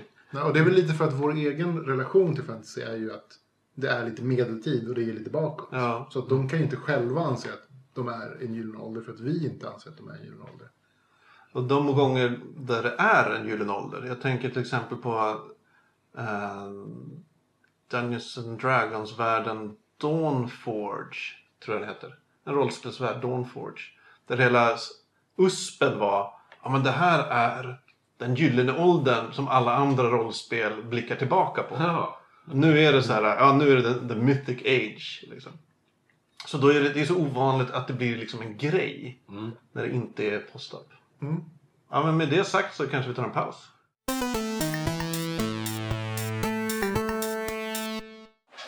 Du hade något på hjärtat Anders? Nej, men jag tänkte bara på det när vi pratade om, om, om Defiance. Som eh, hade Farscape-skaparen bakom sig och allt vad det är. Och, och eh, det var kul att höra i Defiance att de, hittar på eh, ett nytt svärord. För att, för att komma runt sådana här, att kunna svära i, i tv-serier och liksom networks som inte tillåter det. Och, och för att komma förbi censuren helt enkelt så hittar man oftast på eh, ett, ett annat ord. Istället för att säga fuck så, så säger man kanske som i Bästa Galactica som man frack. Eh, eller som i Farscape som man frell. Ehm, I Babylon 5 där sa man, vad fan sa man där? Frag. Uh, Frag ja. just det. Jättetrevligt litet grepp tycker jag. Fantastisk serie Babylon 5. Jag har inte sett det. Jag gillar den. I vilken sa man Chessbot? Det var Morgan Mindy. Mork and Mindy. Vad är Mork and Mindy? Ja men det var ju Rob, ehm, Robin Williams 80-tal serie. Nanu Nanu. Ja, de missade det här fullständigt. Oj. Oj, Ja. oj, oj. Hur, hur har de sett grej. Det var stort. Jag såg det med mina föräldrar när jag var liten på 80-talet. Ja. Nej, helt, Men det var ju eh, lite, helt det var ju en sitcom. Med Robin Williams som var från um, Melmac höll jag på att säga, men det var ju Alf. Uh, vad fan kom han från? Ah, ja. eh, ja, han, han kraschlandade på jorden i något, något ägg. Och, och gick runt i konstiga kläder och så pratade han konstigt. Som en robot lite. It doesn't ring a bell. Okej. Men eh, det ska komma en Alf-film. Det kan man ju glädjas åt. Oh yeah. Ja, Herre. jag vet ingenting om det. Nej, inte jag heller. Förutom att det är greenlit, tror jag. Men tänker de, eh, går den mörka vägen? En, en gritty reboot Ja. på Alf. En slemmig Alf. Som, Han som äter har- människor Katter äter han ju. Ja, men istället för katter äter han Oh. människor. Just det. Oj, oj, oj. En slags monster-mash. Alf. Ja, ja. Kanske vore något. vet inte. Jag kommer ihåg första gången jag såg ett Alf-avsnitt. Jag var kanske nio, åtta, sju. Jag har aldrig skrattat så mycket i hela mitt liv. Oj, oj, oj vad roligt det var. Men nog om det. Alf! Vad sa han? Mrs. Ta- Mr Tanner. Alf! Alf hade väl, han hade ju inget påhittat språk. Fanns det Mel Mac? Du menar Go- Gordon Shumway? Gordon Chubb? Gordon Shumway? Han hette ju det, Alf. Jaha, Alf var ju bara en förkortning. Alien Lifeform. Hette Alf Ja, Gordon Shumway? Ja. Hur har jag missat det här? Gud, det, var är det så kanske dumt! konstigaste i hela serien. Hur kan den heta så? Ja. Ah, Så serien borde alltså heta egentligen Gordon Shumway. ja. Det kanske filmen heter sen. Ja, det ja, men som att eh, då senaste Rocky-filmen bara hette Balboa. Nej, bara Rocky. Balboa. Jo. Hette den Balboa? Ja. Smart grepp. Det räcker Kan- kanske. Så den heter Chumway då? Ja, Shumway. Ingen fattar någonting. Varför floppar den? Vi vet inte. Vad heter Ram Rambo i förnamn? John. John. Ja, det, ja, det kan inte vara John då. John. Det heter John. Ny, ny. Ja, det är roligt med titlar. Ja. Eh, ja, men jag är för, för påhittade språk. Ja, Jag tycker det är bra. Jo. Och det har de ju lite i, i Defiance också. Eh, jag vet inte om, om hur påhittat det är, om de bara improviserar skådisarna. Men de, de snackar ju någon slags språk som, Ja. som är påhittat. Så Det att, eh, Det måste nog ändå vara ganska uppträdande, annars låter det jättekonstigt. ja, Annars blir det liksom, ta dig tungor konstigt. men är, men är det som, att det som tolken eller som, som i Avatar att det, att det är liksom ett byggt språk? Utan att veta någonting så tror jag att det är... De tar engelska. Ja. Så ersätter de engelska orden med andra ord. Ja, Ja, men så att det är bara... Det är samma grammatik som engelska. Ja, samma antagligen. syntax och allting. just det. Bara lite andra ord. Ja, Snart kommer. Defiance-språket upp i, Google Translate. Säkert. Ja, men det är väl det enklaste sättet att göra ett... Jo, hitta på ett språk. absolut. Ja. Alltså bygga helt nya grammatiska regler blir helt omöjligt. Ja. Eller inte omöjligt, men extremt jobbigt. Jätte, jättejobbigt. Eftersom det finns ju säkert två personer som bryr sig. Ja men det gör det. Det kommer ju vara någon som vill skriva sin magisteruppsats om Defiance-språket. Det är jag övertygad om. Jävla lingvist liksom. Ja, precis. Ja men det. Ja. Vi funderar ju också på att prata lite om crowdfunding här. Crowdfunding, ja. Det passar ju i och för sig ganska bra in eftersom MUTANT är väl crowdfundat. Ja, Åh fan. väldigt crowdfundat. De eh, använder en sajt som heter Funded by Me. Mm. Som tydligen är en svensk historia. Okej. Tror jag, jag vet inte. Den finns, funkar i Sverige i alla fall, vilket Kickstarter inte gör utan Nej, viss det. svårighet. Kickst- Kickstarter.com och så Indiegogo.com och, USAProjects.org. Ja. Jag känner till i alla fall. Ja, Det finns en antill, vet jag. En till vet jag. Det finns en jäkla massa tror jag. Ja, det är nog många som vill haka på det här Ja. tåget. För jag gissar ju att Kickstarter drar in en del stålars. Men vad drar de in pengar på? Nej men något procent, Procent. måste det vara. Är det så? Ja, det är övertygande. Eller man En procent eller, eller vad som helst. Det är säkert en succé. Det tror jag. Ja, det är Men det är ju så trevligt system där, där fansen får ehm, betala för vad de vill ha direkt till upphovsmän. Och eh, eftersom det finns så många fans så, så blir det ju en, en enorm succé på jättemånga projekt. Visst, det finns några som inte, det inte händer någonting med. Det här MUTANT-projektet, Mm. de det för en månad sedan och det avslutades i söndags tror jag. Eh, De ville ha 10 000 kronor. De slutade på 178 000. Wow. Ja. Och jag tror kanske 370 pers som gav. Oj. Så det...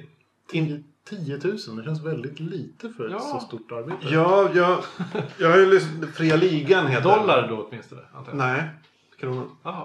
Fria Ligan heter eh, gänget som ska göra det här. Och de, har- de har också en podcast som de precis har sjösatt. Och där förklarar de att det här eh, med, eh, med crowdfunding, det var något de kom på typ dagen innan de skulle eh, lansera hela nyheten. Så det var väldigt snabbt påkommet och de hade ingen aning vad, riktigt vad de gjorde. De hade inga stretch goals. De bara så här, ja ah, men nu kör vi. Uh, och det gick ju bra. Det var, det var ju lite samma sak med det här Double Fine Adventure eh, som Tim Schafer eh, ligger bakom som gjort en massa trevliga peka-klicka-spel. De, visst, de hade inte heller någon idé. Och, och fans var, var hela tiden och tjatade på dem att de borde göra mer, fler spel och ja, men de har ju inte liksom råd. Och så bara kom de på den här liksom, idén. När de var nästan inne i började, började med någonting vad jag förstår. Fast det hade, den var ju planerad. De hade ju väldigt ambitiös Kickstarter. Jo. Redan från början. Med, med filmer och, och Ja, just det. väldigt... Och de gör liksom en dokumentärserie också under tiden när Ja. de gör det här nu. Alltså de är ju väldigt duktiga. Double Fine har gjort många bra spel. Eller de två skaparna har gjort, ligger ju bakom väldigt många Just bra det, spel. Ron Gilbert som gjorde uh, Monkey Island-spelen uh, framförallt. Uh, Ja. Nu är inte jag någon expert på dem. Och jag har inte spelat så jäkla mycket sådana heller. Faktiskt. Jag har spelat alla Monkey Island har gjort. Och Maniac Mansion och Zack McCracken. Och sen så spelar jag Psychonauts som jag tycker är ett, av de, Psychonauts var jättebra. ett av de bästa spelen Ja. som någonsin gjorts. Tycker jag. Green Fandango. Green Fandango. Grim Fandango älskar jag så mycket. Mm. Gud vad bra det är. Alla de spelen är ju väldigt bra. Lite skruvade sådär, men på ett så här härligt sätt. Sätt. Och det är väldigt, väldigt bra. Så jag, jag, jag, är, inte, jag är inte förvånad att de får så mycket fund, alltså funding. The Cave nu nyligen var ju jättetrevlig. Eh, Mm. Och det var exklusivt till PS3 minns jag inte. Men eh, det var också Tim Schafer har jag för mig. Ja. Var de inblandade i den här uh, The Dig också? Eller? Eh, nej, det var LucasArts. Det var också Lucas Arts? Ja, Jag som... säker om det var dem. Men jag tror inte det var dem. Okej. Jag är inte säker. Ja, jag vet inte heller riktigt. Kan ha varit. Här skulle vi haft eh, min kompis Magnus Eriksson. Han kan allt det här. Typiskt. Typiskt. Jag får nästa gång. Men det, det vi pratar lite om här, det är tycker jag också, eh, crowdfundingens stora, kan man säga, nackdel. Att det är de som får, får mest funding, de som får göra, som lyckas ofta, som får göra sina grejer, är de som kanske annars också skulle ha kunnat göra det. De som har ett stort namn, de som har ett, eh, fått tag på ett bra känt varumärke. De som har en fanbase. Mm. Det är de som lyckas bäst. Alltså, just i crowdfunding så är det de som lyckas bäst. Men det är inte säkert att de som har en stor fanbase får alltså backing utav företag. Så att säga. Utav riskkapitalister. Det är inte säkert att de får liksom pengar från, från sådana människor. Det är klart att, att fansen som, som har sett någonting de gillar eh, gärna ger pengar för att se någonting likadant som de gillar. Men, men det är sant som du säger, att det, det brukar vara etablerade människor. Alltså, de, de måste ha någon slags bas att bygga på. Det är sällan en helt ny fräsch idé. Och, och till exempel om de här två killarna hade varit helt okända. Mm. Eh, så hade de antagligen inte fått Nej, nej, nej. mycket pengar. Det är ju ett sätt de- att göra tribute till sina, som, de här människorna som man, man gillar så mycket för allt de har gjort. Men risken med det då är det ju att det bara blir en, eh, vad kan man säga, kannibalisering av forna storheter. Att det är sällan, att det inte kommer något nytt från crowdfunding. Utan det är de här, eh, ja men Veronica Mars, nedlagd tv-serie, ska bli en film. Ja, visst ja. Ja, ja. det är jätteroligt. Jag tror det kommer bli kanon. Men det är inget nytt. Men det är ju det typiska som har varit ett problem i Hollywood nu ett tag. Med att Hollywoodproducenter inte vågar satsa på nya idéer. Utan det är därför vi ser liksom ett, två och tre av samma Ja. film. Mm. Absolut, för det funkar ju. För att det funkar. Det, det är ett säkert kort och liksom, det, det är så dyrt att producera så att man, man vågar inte chansa på någonting som kanske floppar. Nej. Men det kommer att ta å- många år innan, innan Hollywood-systemet har, anammar crowdfunding, tror jag. För det är liksom, det är, crowdfunding bygger ju på att man... Det är ju det är ju mellanhand, mellanhandens död. Liksom. Det, det är ju direkt från konsument till, till producent och tvärtom. Fast vi är nästan, jag tror, för att ta Veronica Mars igen. Där var det, de vill, vill ha så mycket pengar. För om de får så mycket pengar så uh, har de ett storbolag som säger ja men då gör vi filmen.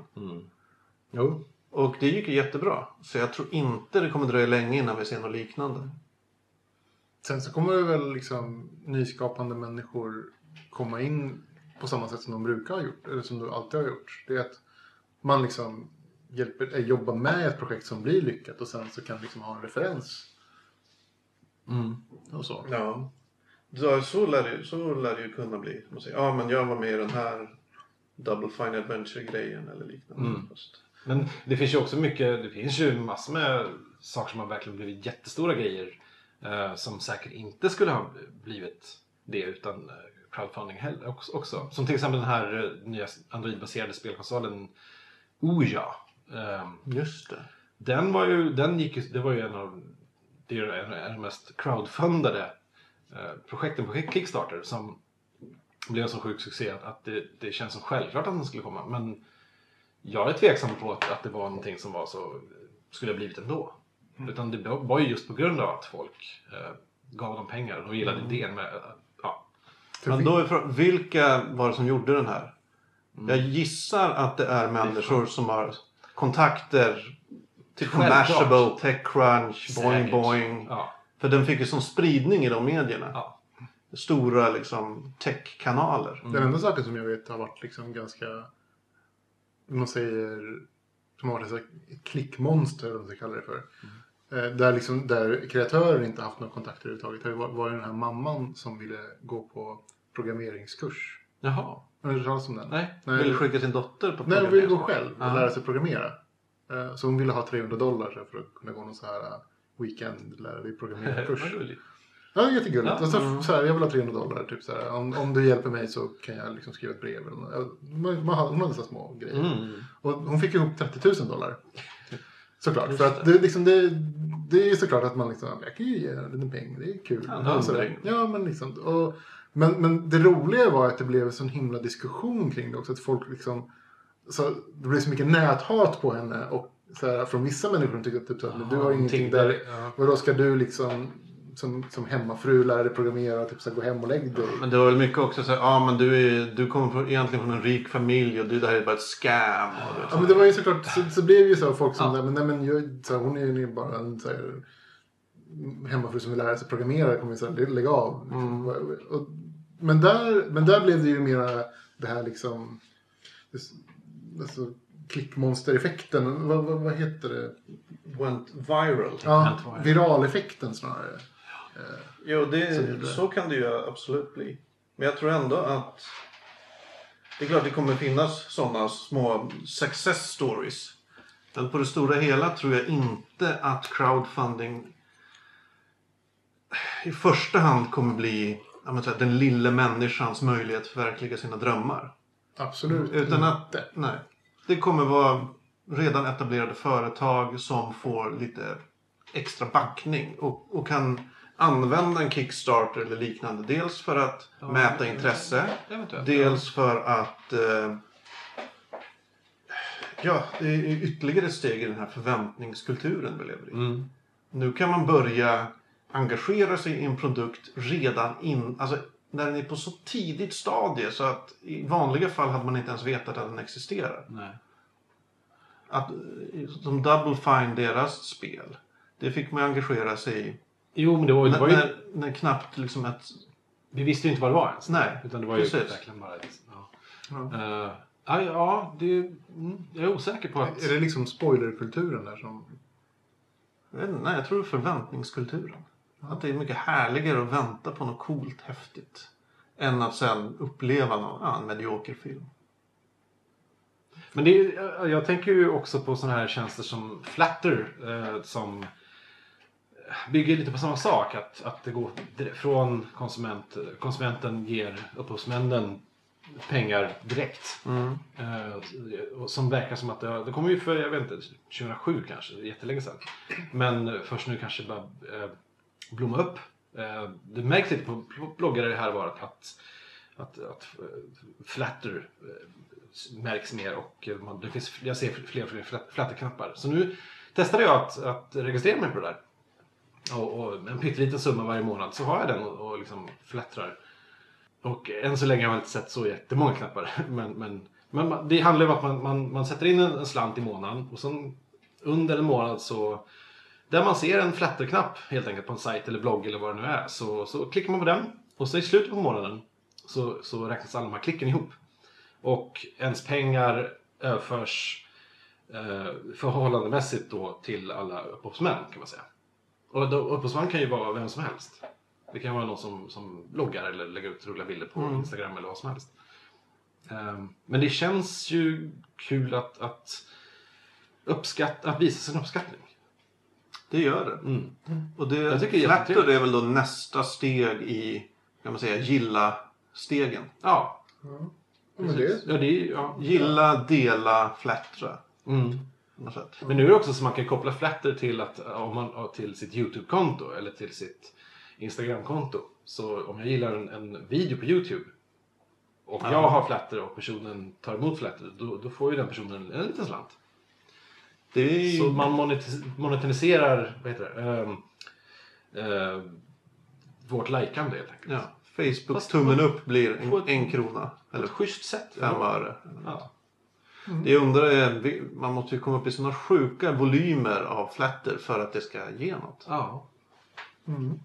Jag har själv eh, varit inne och flattrat lite. Mm. Men det är ju så här, ja, man har ju, lägger ju ingen stor budget på det. Nej, 30 spänn i månaden. Ja, och då så här, ja, kanske de max får 10 spänn var. De Ja. om, jag, om jag flattrar tre pers. Liksom. Ja, första månaden flättade jag en person.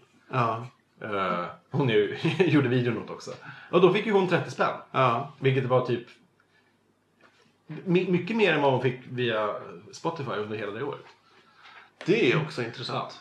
Så att många gånger hennes Spotify-intäkter gav ju henne bara ett klick.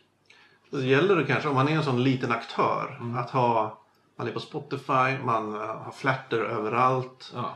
Eh, Man kanske finansierar sin skiva med crowdfunding och så vidare. Många bäckar små. liksom. Ja. Sen har jag, eh, eftersom man inte köper så CD-skivor längre, men, eh, så har jag liksom eh, laddat ner en, en platta och lyssnat på den och gillat den. Och, och är det någon artist som jag har gillat så har jag faktiskt köpt skivan och liksom, för att visa mitt gillande. Eh, jag har aldrig plastat upp den eller eh, spelat upp den, men jag har köpt den. Mm. Liksom. Bara för att... Men så är det ju Ja. som samma sak med tv-serier. Man tittar ju på tv-serier. Mm. eh, Och sen köper man Via olika boxen. streamingtjänster och sådär. Och det kostar ju inga stora pengar liksom. Nej. Men gillar man det så köper man ju boxen. Det är, Absolut. det är så man stödjer kreatörerna. Vad var det, någon HBO-höjdare sa ju här nyligen att ja, men vi är bara glada att folk piratar Game of Thrones så mycket. För det, det, har, det har hjälpt våra, Mm. vår, alltså vår spridning och folk köper mer boxar och Mm. eh, prenumererar på våra kanaler och liknande. De får ju mycket mer reklam också. Tänker jag att det blir Ja. mycket mer snack om det. Och det är ett sätt att, att förhöja sitt varumärke. Mm. Ja, det är det verkligen. Men skulle man själv kunna crowdfunda någonting och få någon slags spridning på det? Det är ju jätte... För man dröm... det är lite av den här, så här vinna på Lotto-grejen. Att man, man drömmer ju om att hitta på den perfekta idén och liksom så det bara brakar iväg med inkomster på det. Utan att man behöver göra för mycket också. Jag Vad skulle man göra? Nej, jag vet inte. Jag, jag tror... Om du, det är många faktorer som spelar in. Men säg att du skulle sätta igång... Jag vet inte. Du vill göra en film. Okej. Något. Jag har ingen aning Vi vad du vill göra. Ja, vi säger att du vill göra en film. Eh, du gör en, Kickstarter eller liknande. För att jag skulle gå in och ge dig pengar. Mm. Eh, vi säger att du är en främmande människa nu. Mm. Då skulle det krävas dels att du, du sålde mig på själva projektet. Att, eller idén, att det var bra. Mm. Sen att du ingav någon sorts förtroende. Att så här, kan den här människan göra en film? Kommer det bli av? Mm. Kommer det bli av? Har han den kompetens? Har han någon bakgrund inom film? Vad har han gjort tidigare? Så här. Ja. Eh, och sen skulle jag idealiskt vilja ha, ha någon Ha en roll i filmen. Nej, nej faktiskt inte. Ja, kanske, det kan ju vara någon perk. Men eh, att se att filmen är i ett sånt... Att det liksom inte bara är en idé. Mm. Utan att du kanske, du kanske har storyboardat hela filmen. Mm. Eller du har konceptskisser. Att den liksom är på gång redan. Så att det inte är, ah, han har inte gjort någonting. Det här är bara ett synopsis han har kommit på. Ja. Jag gav en slant till, till en just en, en sån film ganska nyligen. eh, av eh, en, en favorit på Youtube för mig är Ashens heter han. En eh, engelsk eh, snubbe som eh, gör filmer Där han eh, de, demonstrerar gamla leksaker och actionfigures action figures hemma i sin soffa bara. Han bara filmar soffan och så, så visar han hur dåliga sakerna är. Det är mycket konsoler Mm. och grejer. Jätteroligt att titta på, tycker bara jag. Jag försökte visa det för kompisar och de fastnade inte riktigt.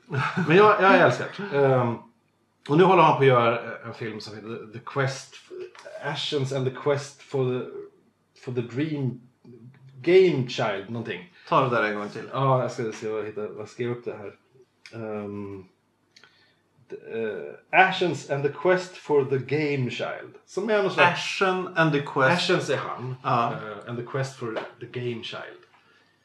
Okej. Ingen aning vad det handlar om. Men eh, i och med att jag gillar honom jättemycket och eh, han har också gjort en väldigt trevlig film när han presenterar projektet eh, och sådär.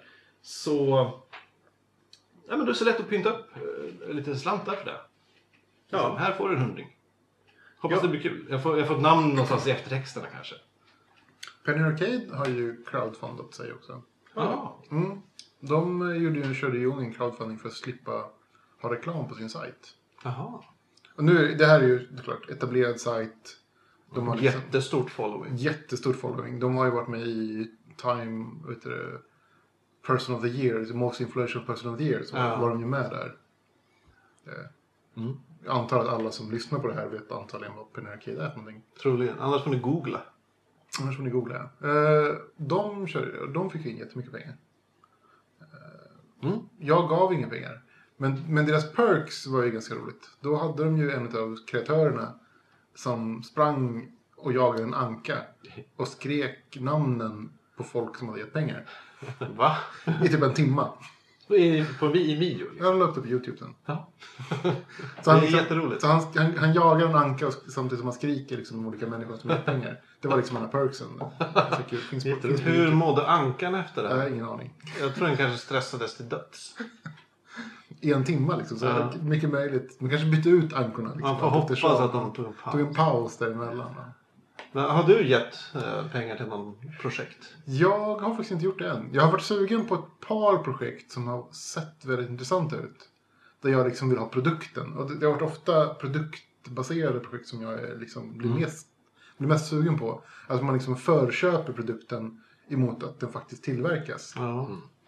Eh, och jag har varit sugen på ska man säga, tre, fyra stycken olika produkter. Och, men det är ingenting som jag har liksom tagit tag i och faktiskt gett pengar till. Men mycket är ju för att det är så pass nytt att jag liksom inte vet har inte vetat hur det funkar eller hur, resultatet, hur troligt det är att resultatet faktiskt kommer ut. Nej, precis, mycket av det man har sk- skänkt till, för jag har ändå skänkt till fem, sex projekt, har ju inte riktigt hänt än. De, de, de är på väg. Jag har ju köpt den här Ouya-konsolen, men den, ja, den har ju släppts, men inte publikt. Så att, alltså, den, eller så att ja, den kommer Man, ju man sommar. kanske liksom, till en början kan jag tänka mig att man ger saker till folk där man egentligen inte bryr sig om om produkten blev gjord överhuvudtaget. lite så. Mm. Mm. Att Man man säger liksom, ja, men det är en rolig grej om det blir Ja, precis. klart. Nej, men det är kul och det vore kul om den blev någonting. Ja. Men inte... För det är värt att chansa för en hundring eller Ja, precis. två. Ja, eller två, Mm. eller tre. Mm. Eh, Men inte liksom så men den här produkten vill jag köpa, därför förköper jag nu och hoppas att den blir gjord.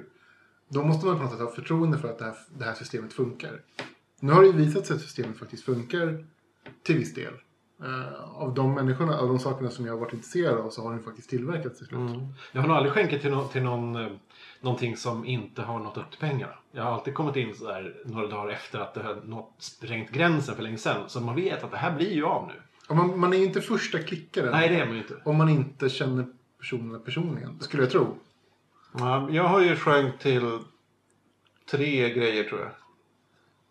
Eh, först till Åsa Ros, en Ja. int- internetbekant som gjorde ett nyckelringsrollspel. Ja. Där gick jag in tidigt för Det var väl också en succé?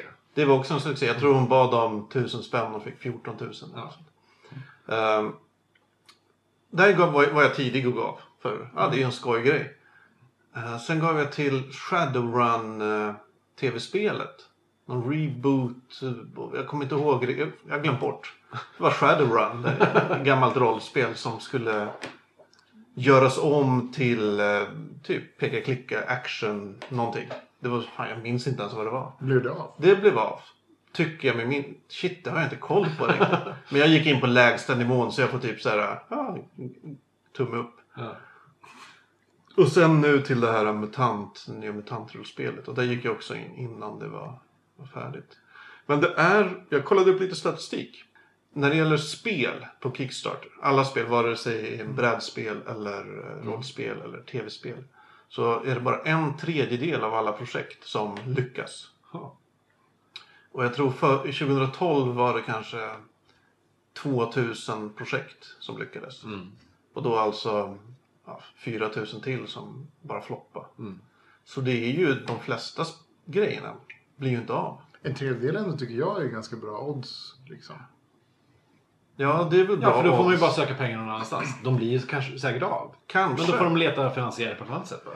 Det jag tänker är att Eller om man gör en en annan- Kickstarter. Ja. Man har en jättebra idé som man brinner för. Men man misslyckas med Kickstart. Man når inte upp till målet. Då tror jag man tappar jävligt mycket Ja. av geisten. Jag tror inte man blir så sugen på att göra det. Jag kan ju tänka mig att man liksom börjar kanske se att det man har inte är någonting som folk vill ha. Ja. Eller så har man bara varit dålig på att marknadsföra sig. Jag tror mycket beror på marknadsföring. Jo, absolut. Eller att man har så- gjort en dålig Alltså presentation. plock, plockas eller... man upp i, i rätt media? Liksom blir man retweetad eller re, re, liksom, vad ska man, Ja. omskickad via Boing Boing eller, eller vad som helst. Så stora sajter som folk titt- så följer. Så är det klart att, att man kommer nå upp i målet mycket troligare. Ja, lyckas Mm. man ta sig ur kretsen av så att säga närmast sörjande. Absolut. För jag gissar om man är så engagerad i att göra ett spel. Då hänger man ju säkert på något spelmakarforum eller liknande. Och där kommer säkert alla vara jätteentusiastiska och stötta och så här. Men det gäller att ta sig ur det. Och, och bli spridd på, på ställen där, där folk som skulle vara intresserade ser det. Men som inte hänger i just ens lokala internethörn. Det är kanske är en ny, eh, en ny roll för marknadsförare. Det tror jag. Eller så här, crowdfunding-konsult. Ja, att att liksom, få ut budskapet i rätt kanaler. Ja. Jag läste någon, några projekt som hade lyckats. Så läste jag lite, lite så efterhand om vad de hade skrivit om hela upplevelsen. Mm. Och en snubbe som heter Daniel Solis som gjorde ett rollspel som heter Doe, Pilgrims of the Flying Temple. Som är rätt bra, jag spelar det, det är ett fantastiskt spel. Eh, han berättade att det är så sjukt mycket jobb. Det är liksom, Okej, säg att det är 500 personer som har donerat. Ja, då det, har du plötsligt 500 prylar minst som du ska skicka ut och som ska tillverkas och som ska göras. Att det är väldigt mycket logistik och att det kostar väldigt mycket bara att Mm. eh, liksom uppfylla alla de här belöningarna. Och jag läste också en annan skräckhistoria. Någon som hade gjort en eh, dyrk. Som skulle vara en ny sorts dyrk. För han, var, så- ja, men han älskade lås. Han brukade sitta med lås och bara dyrka upp dem. Så. Sa han i alla fall. Ja, det hade han gjort. Den hade blivit fundad. Eh, Allt var jättebra. Han skickade ut grejerna. Allt komplett. Duktigt. Sen, sen visade det sig att det var ju så dålig kvalitet på grejerna. Han, de, den, han hade lejt för att tillverka den. För att tillverka prylarna hade... Ja, det var dålig metall. Saker gick av, gick sönder. Okej. Så då fick, han fick ju återkalla allting i princip. Och lämna tillbaka alla pengar som inte fanns. Och liksom, han blev Men det var ju fortfarande hans fel. Han skulle ju... Ja, det var hans fel. Så, Ja. så han, han var ju tvungen att liksom, oh shit, pynta Ja. ur egen ficka och blev skuldsatt och grejer. Usch, det mardröm. Och ja. Så det är ju... Vilka perks hade den saken? Jag minns inte, jag, tror, jag, jag, jag kommer inte ihåg. Jag läste bara själva artikeln. Jag kom på faktiskt att jag har faktiskt gett pengar till någonting. Ja. Kom jag på. Och det är en konstnär som har gjort eh, artwork till ett spel som jag spelar. Till, massor till ett, ett gäng kort Mm. i ett spel som jag spelar. Och eh, han fick en, eh, ett brock, diskbrock i USA och ska operera sig. Och behövde pengar för att han inte hade rätt typ av försäkring för att han var konstnär Och amerikan. och amerikan. Och eh, han bad om pengar då, så skulle man få en, en teckning. Liksom. Så honom, där har jag faktiskt gett pengar. Men det var ju mera, där var det inte en slags, någonting jag var ute efter. Det var nästan mer välgörenhet. det, var, det var mer välgörenhet än Ja. någonting annat. Ja, men samma här. eh, Jim Woodring som är en fantastisk teck- serietecknare som jag gi- gillar jättemycket. Han hade också en sån där... eh, ha- han har en bok i sig som han måste bara få ur och jag vet att det kommer bli jättebra. Eh, och, men... eh, det är väldigt smala serier, liksom väldigt independent amerikanskt och han, be- han, han eh, skrev ett långt brev och det är jättetydligt att han behöver i princip bara pengar till det absolut viktigaste som är typ väggar och tak och, och, och, och lite mat. Mm. Så, lov, så kommer den här boken bli av och det, då ställer man ju upp på det. Det är också någon slags eh, Men det är, det är mer välgörenhet än än liksom funding. Fast man, man får ju inte ge, alltså man kan inte ge välgörenhet bara hur som helst. Det finns ju ganska stränga regler kring sånt. Ja, det gör det så, verkligen. så då har, man- har de ju tagit greppet då via crowdfunding. Det är var, om ni tänker er själva, var skulle gränsen gå för om man säger hur stort eller litet jag har svårt att förklara men om man säger så här. Eh, det är MUTANT, det är ett företag som gör. Mm. Eh, Veronica Mars, också ett företag, eller en, s- ja det är ett företag inblandat. Om man säger så här, skulle ni, om Microsoft drar upp en Kickstarter för att göra någon cool grej. Ja. Ja, det är, Eller liksom, var går gränsen? Hur stort måste företaget bli för att man säger att ah, men det här är ju bara sjukt?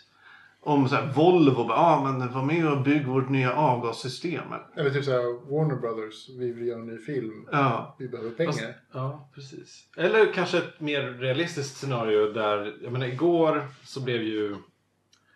Eller, ja, igår släpptes ju nyheten då att, att Futurama läggs ner nu för andra gången.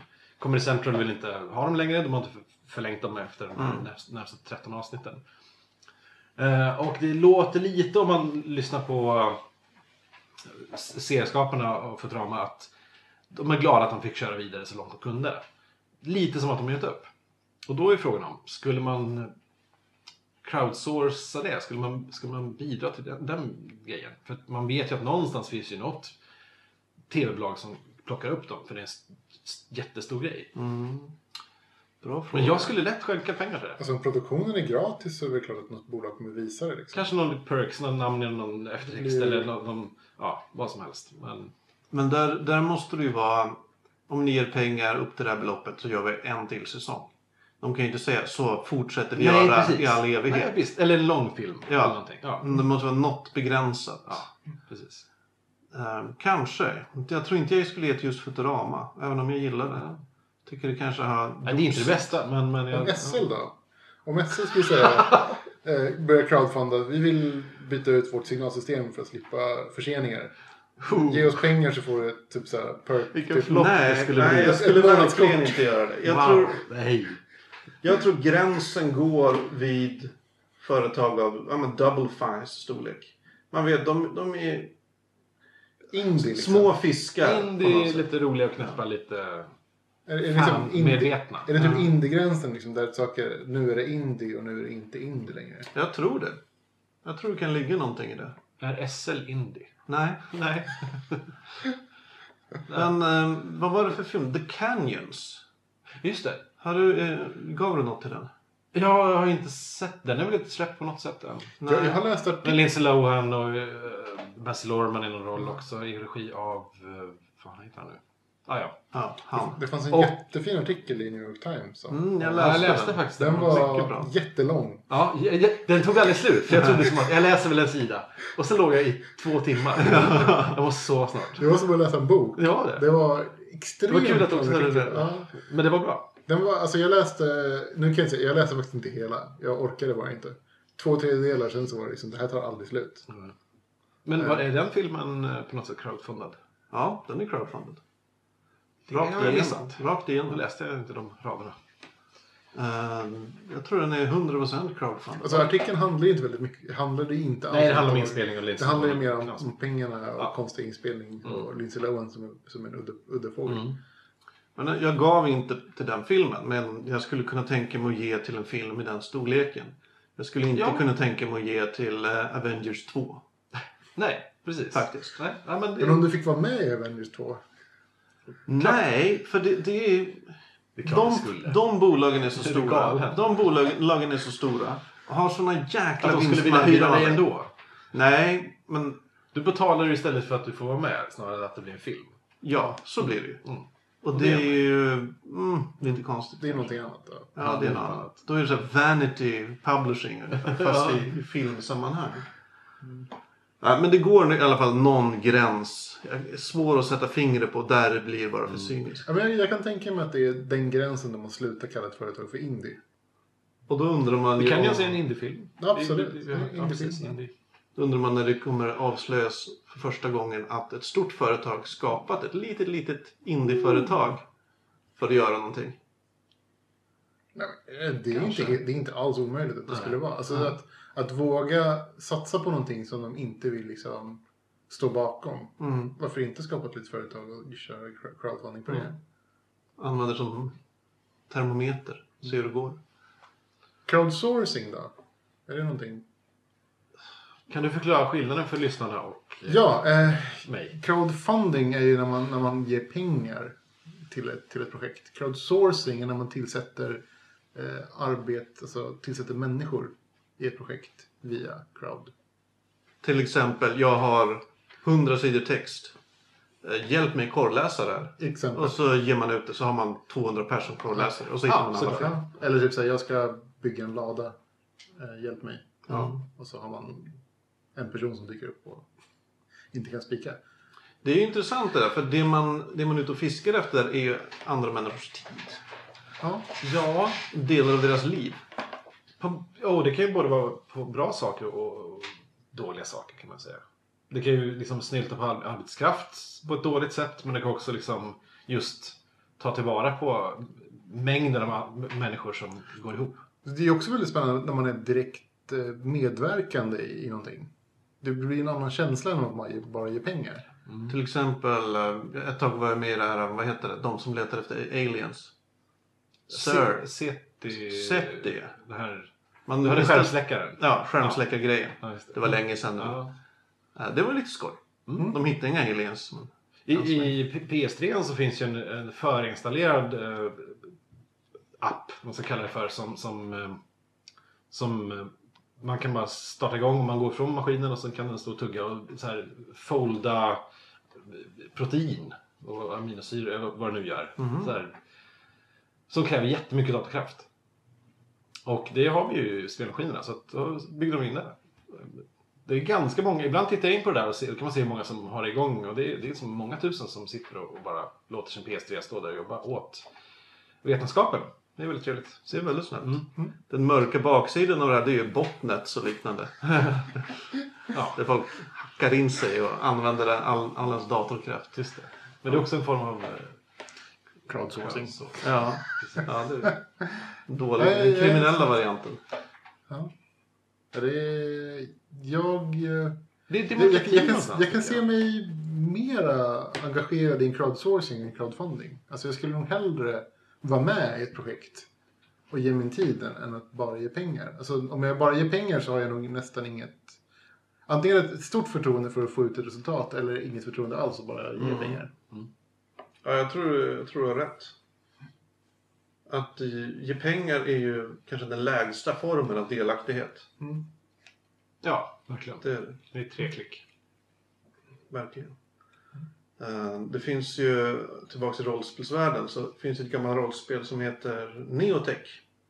Cy- Cyberpunk. Eh, De kommer också med en ny version. Där de ja, crowdsourcat vissa grejer. De säger, ja men eh, vi behöver folk som kan skriva de här kapitlerna. Eller typ, ja, hur ser framtiden ut i Afrika? Hur fungerar telefonerna i framtiden? Ja. Ja, så hade de kanske 10-11 sådana områden. Och så fick folk skriva in bidrag och så valde de ut några och så, ja, så kommer de använda det där till slut. Det har jag tänkt jättemycket på i spel när, när, där det finns så ibland så hysteriskt mycket text som kommer upp och det är liksom någon som hittar ett dokument och det är flera sidor lång text Mm. som berättar någon slags handling som jag aldrig läser i alla fall. Nej, Men någon så- har ju suttit och skrivit, skrivit det där. Det skulle vara perfekt att sourca ut till, skribenter. Ja. Så har man det gjort på en dag. Liksom. Ja, jag, Istället för bara jag, kommer ihåg Baldur's Gate. Mm. Där man hittade böcker. Åh! Och I början var man såhär, åh undrar vad står här? Det här kanske är viktigt för storyn. Var, det är Nej. ju aldrig det. Det är såhär, ja här är recept på gröt. Här är det här landets historia. Ja men man kan inte ens åka till det landet. Ja ja. Nej. ja det var lite konstigt. Senast i, i ja, Tomb Raider var så mycket sådana grejer som man bara... Vem har lagt ner... Någon har ju lagt ner tid på det här. Ja. Pengar. Någon har ju fått betalt. De vet väl att det finns någon galning som också sitter och läser allt. Det kostar, Ja, ja. det kostar ju pengar men det är ju sånt man gör. Ja. Alltså jag vet min, en av våra vänner, Amalias gamla klasskompis som jobbade på produktionen för The Girl with the Dragon Tattoo. Mm. Eh, så skrev ju hon den här dagboken som, som hon har då. Mhm. Eh, vad nu heter. Salander. Sa- nej, hon som, som, Som blir mördad. som de tror. Ja, Harriet. Harriet. Jaha, Ja. okej. Hennes dagbok. Mm. Hittar de ju den, innehåller massa spår. Men Ja, man, måste ju, man måste ju fylla den med, med saker. Ja. Så att den ser ut som en riktig dagbok. När man bläddrar i den. Man bläddrar i den. Alltså de, visar, de bläddrar i den liksom, på gånger i filmen. Så här, och då måste det se ut som en riktig dagbok. Så hon skrev ju liksom i den. För hand. Ja. Fyllde en hel dagbok med, med typ och det kan inte vara bla bla bla, utan det måste ju vara riktigt. Liksom. Ja. För att annars är det så uppenbart att det, är- att det är fejk. Så, det var så, här, ja. så typ, det var verkligen så här, men skriv en dagbok. Ja, så gjorde hon det. Och så var det typ så här, nej men vi behöver ju inte en.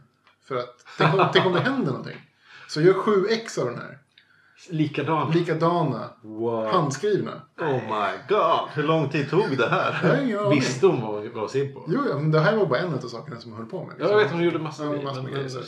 Men det här var liksom en av, och då tänker man så här, det är inte så konstigt att produktionerna för filmer kostar så här mycket pengar. Nej. Om man ska ha liksom folk som gör sådana här saker. Och liksom inte bara en gång utan sju gånger. Det är en evighets liksom. Ja, herregud. Och Då, då undrar man så här, vad, vad händer med de här liksom miljonerna som, som sänks i Hollywoodfilmer? Ja, men Ja, de går väl till sånt. Detaljer. Och typ schyssta buffébord och grejer till stjärnorna. Ja, mycket catering. Ja, men liksom, hur mycket kostar buffébord jämfört med liksom att få en person att handskriva sju, Sju böcker. Det måste ju ha tagit veckor. Ja. Alltså, ja herregud. Sånt tänker man inte på. Men det är klart det är mycket sånt där som pengarna sänks i. Mm. Absolut. Fast Ja. ibland så syns det ju som i jag menar, Sagan om ringen-filmerna är ju detaljerade och det syns. Ja, Mm. ja det gör det. Det är ju produktionsvärde. Precis. Ja, ja. Med, med de orden kanske vi är klara. Ja, Eller- jag tänkte som att... Eh, tänk på det här med, med i, i slutet på verbet brukar alltid Kristoffer Triumf fråga sin gäst om, om de vill rekommendera någonting. Så då tänkte jag skulle fråga er om ni vill avråda från någonting. Mm. Ivan? Eh, så tänka lite här faktiskt. Saker jag vill avråda från. Hmm. Magnus? Ja, jag, så jävla mycket jag vill avråda från. alltså, jag vet inte vad jag ska inte börja. Äh, Jag, alltså, på, jag är ju väldigt mycket sociala medier just nu. Gillar Twitter och grejer. Och det jag skulle vilja avråda från är att ge sig in i debatter i sociala medier. För det är så sjukt fruktlöst. Det ger ingenting. Man lyckas inte bevisa något. Man lyckas inte övertyga någon. Det är bara frustration och elände och tar tid. Och man sitter och är sur på folk som finns ja, på internet. helt meningslöst. Helt meningslöst. Så äh, gräla inte på Twitter. För fan. Vi avråder. Ja, vi avråder. Och det starkaste. Ja. Jag, jag, jag vill å det starkaste avråda från att tänka på det faktum att om man lägger ihop vikten av alla människor på jorden så motsvarar det ungefär vikten av alla myror på jorden. Det, det avråder jag från att tänka på. Hur Hört har bara. hört? Det är jättemycket myror på jorden. Ja, det, det, usch, det, jag avråder dig att tänka på det. Herregud. Men har du, emot, har du något emot myror i allmänhet? Fy fan, ja, flygmyror är det värsta. Åh fy fan. Värsta djuret. Sämsta djuret. Har du något? Ivan. Ja, eh, jag kan avråda folk från att vara allergiker. Det suger. Det Ja. är nog det värsta hittills tror jag. Våren är här, alla är jätteglada. Shit, det börjar nu. Jag är inte så glad. Eh, Har ditt börjat? Ja, absolut. Mitt kommer ju snart. Eh, tydligen så är jag allergisk mot alm, fick jag reda på nu eftersom det var det som var högt och det kliar i ögonen. Alm. Eh, så att jag avråder, dig från, äh, avråder folk från att eh, vara allergiker. Det är inte alls bra. Allergi är ett eh, ämne vi kanske kan ta upp en annan gång. Ja. Jag vet Det, är det, det är ju alltid aktuellt. Det- Speci- ja, men det, är någon som är allergisk mot något. Och eh, ja, men jag tänker, nu kommer en ny Stålmannen-film. Sägs att det inte ska finnas kryptonit i den. Precis. Oj. Just det. Det kan vi diskutera. För det är ju en allergi. Det är en av de mest kända. Ja. Och mest ovanliga. Ja. mest påhittade kanske. Mest, på, mest påhittad allergi. Ja, Ja, just det. nej, men det kan vi ta nästa gång kanske. Ja, Ja. eh, precis. Det här spelades alltså in den 23 i fjärde eh, 2013. eh, i- Hemma i Anders, Anders kök. Mitt kök. Ja, trevligt kök. Tack. Vad bra. Tack och hej, simma lugnt. Hej hej! Hej.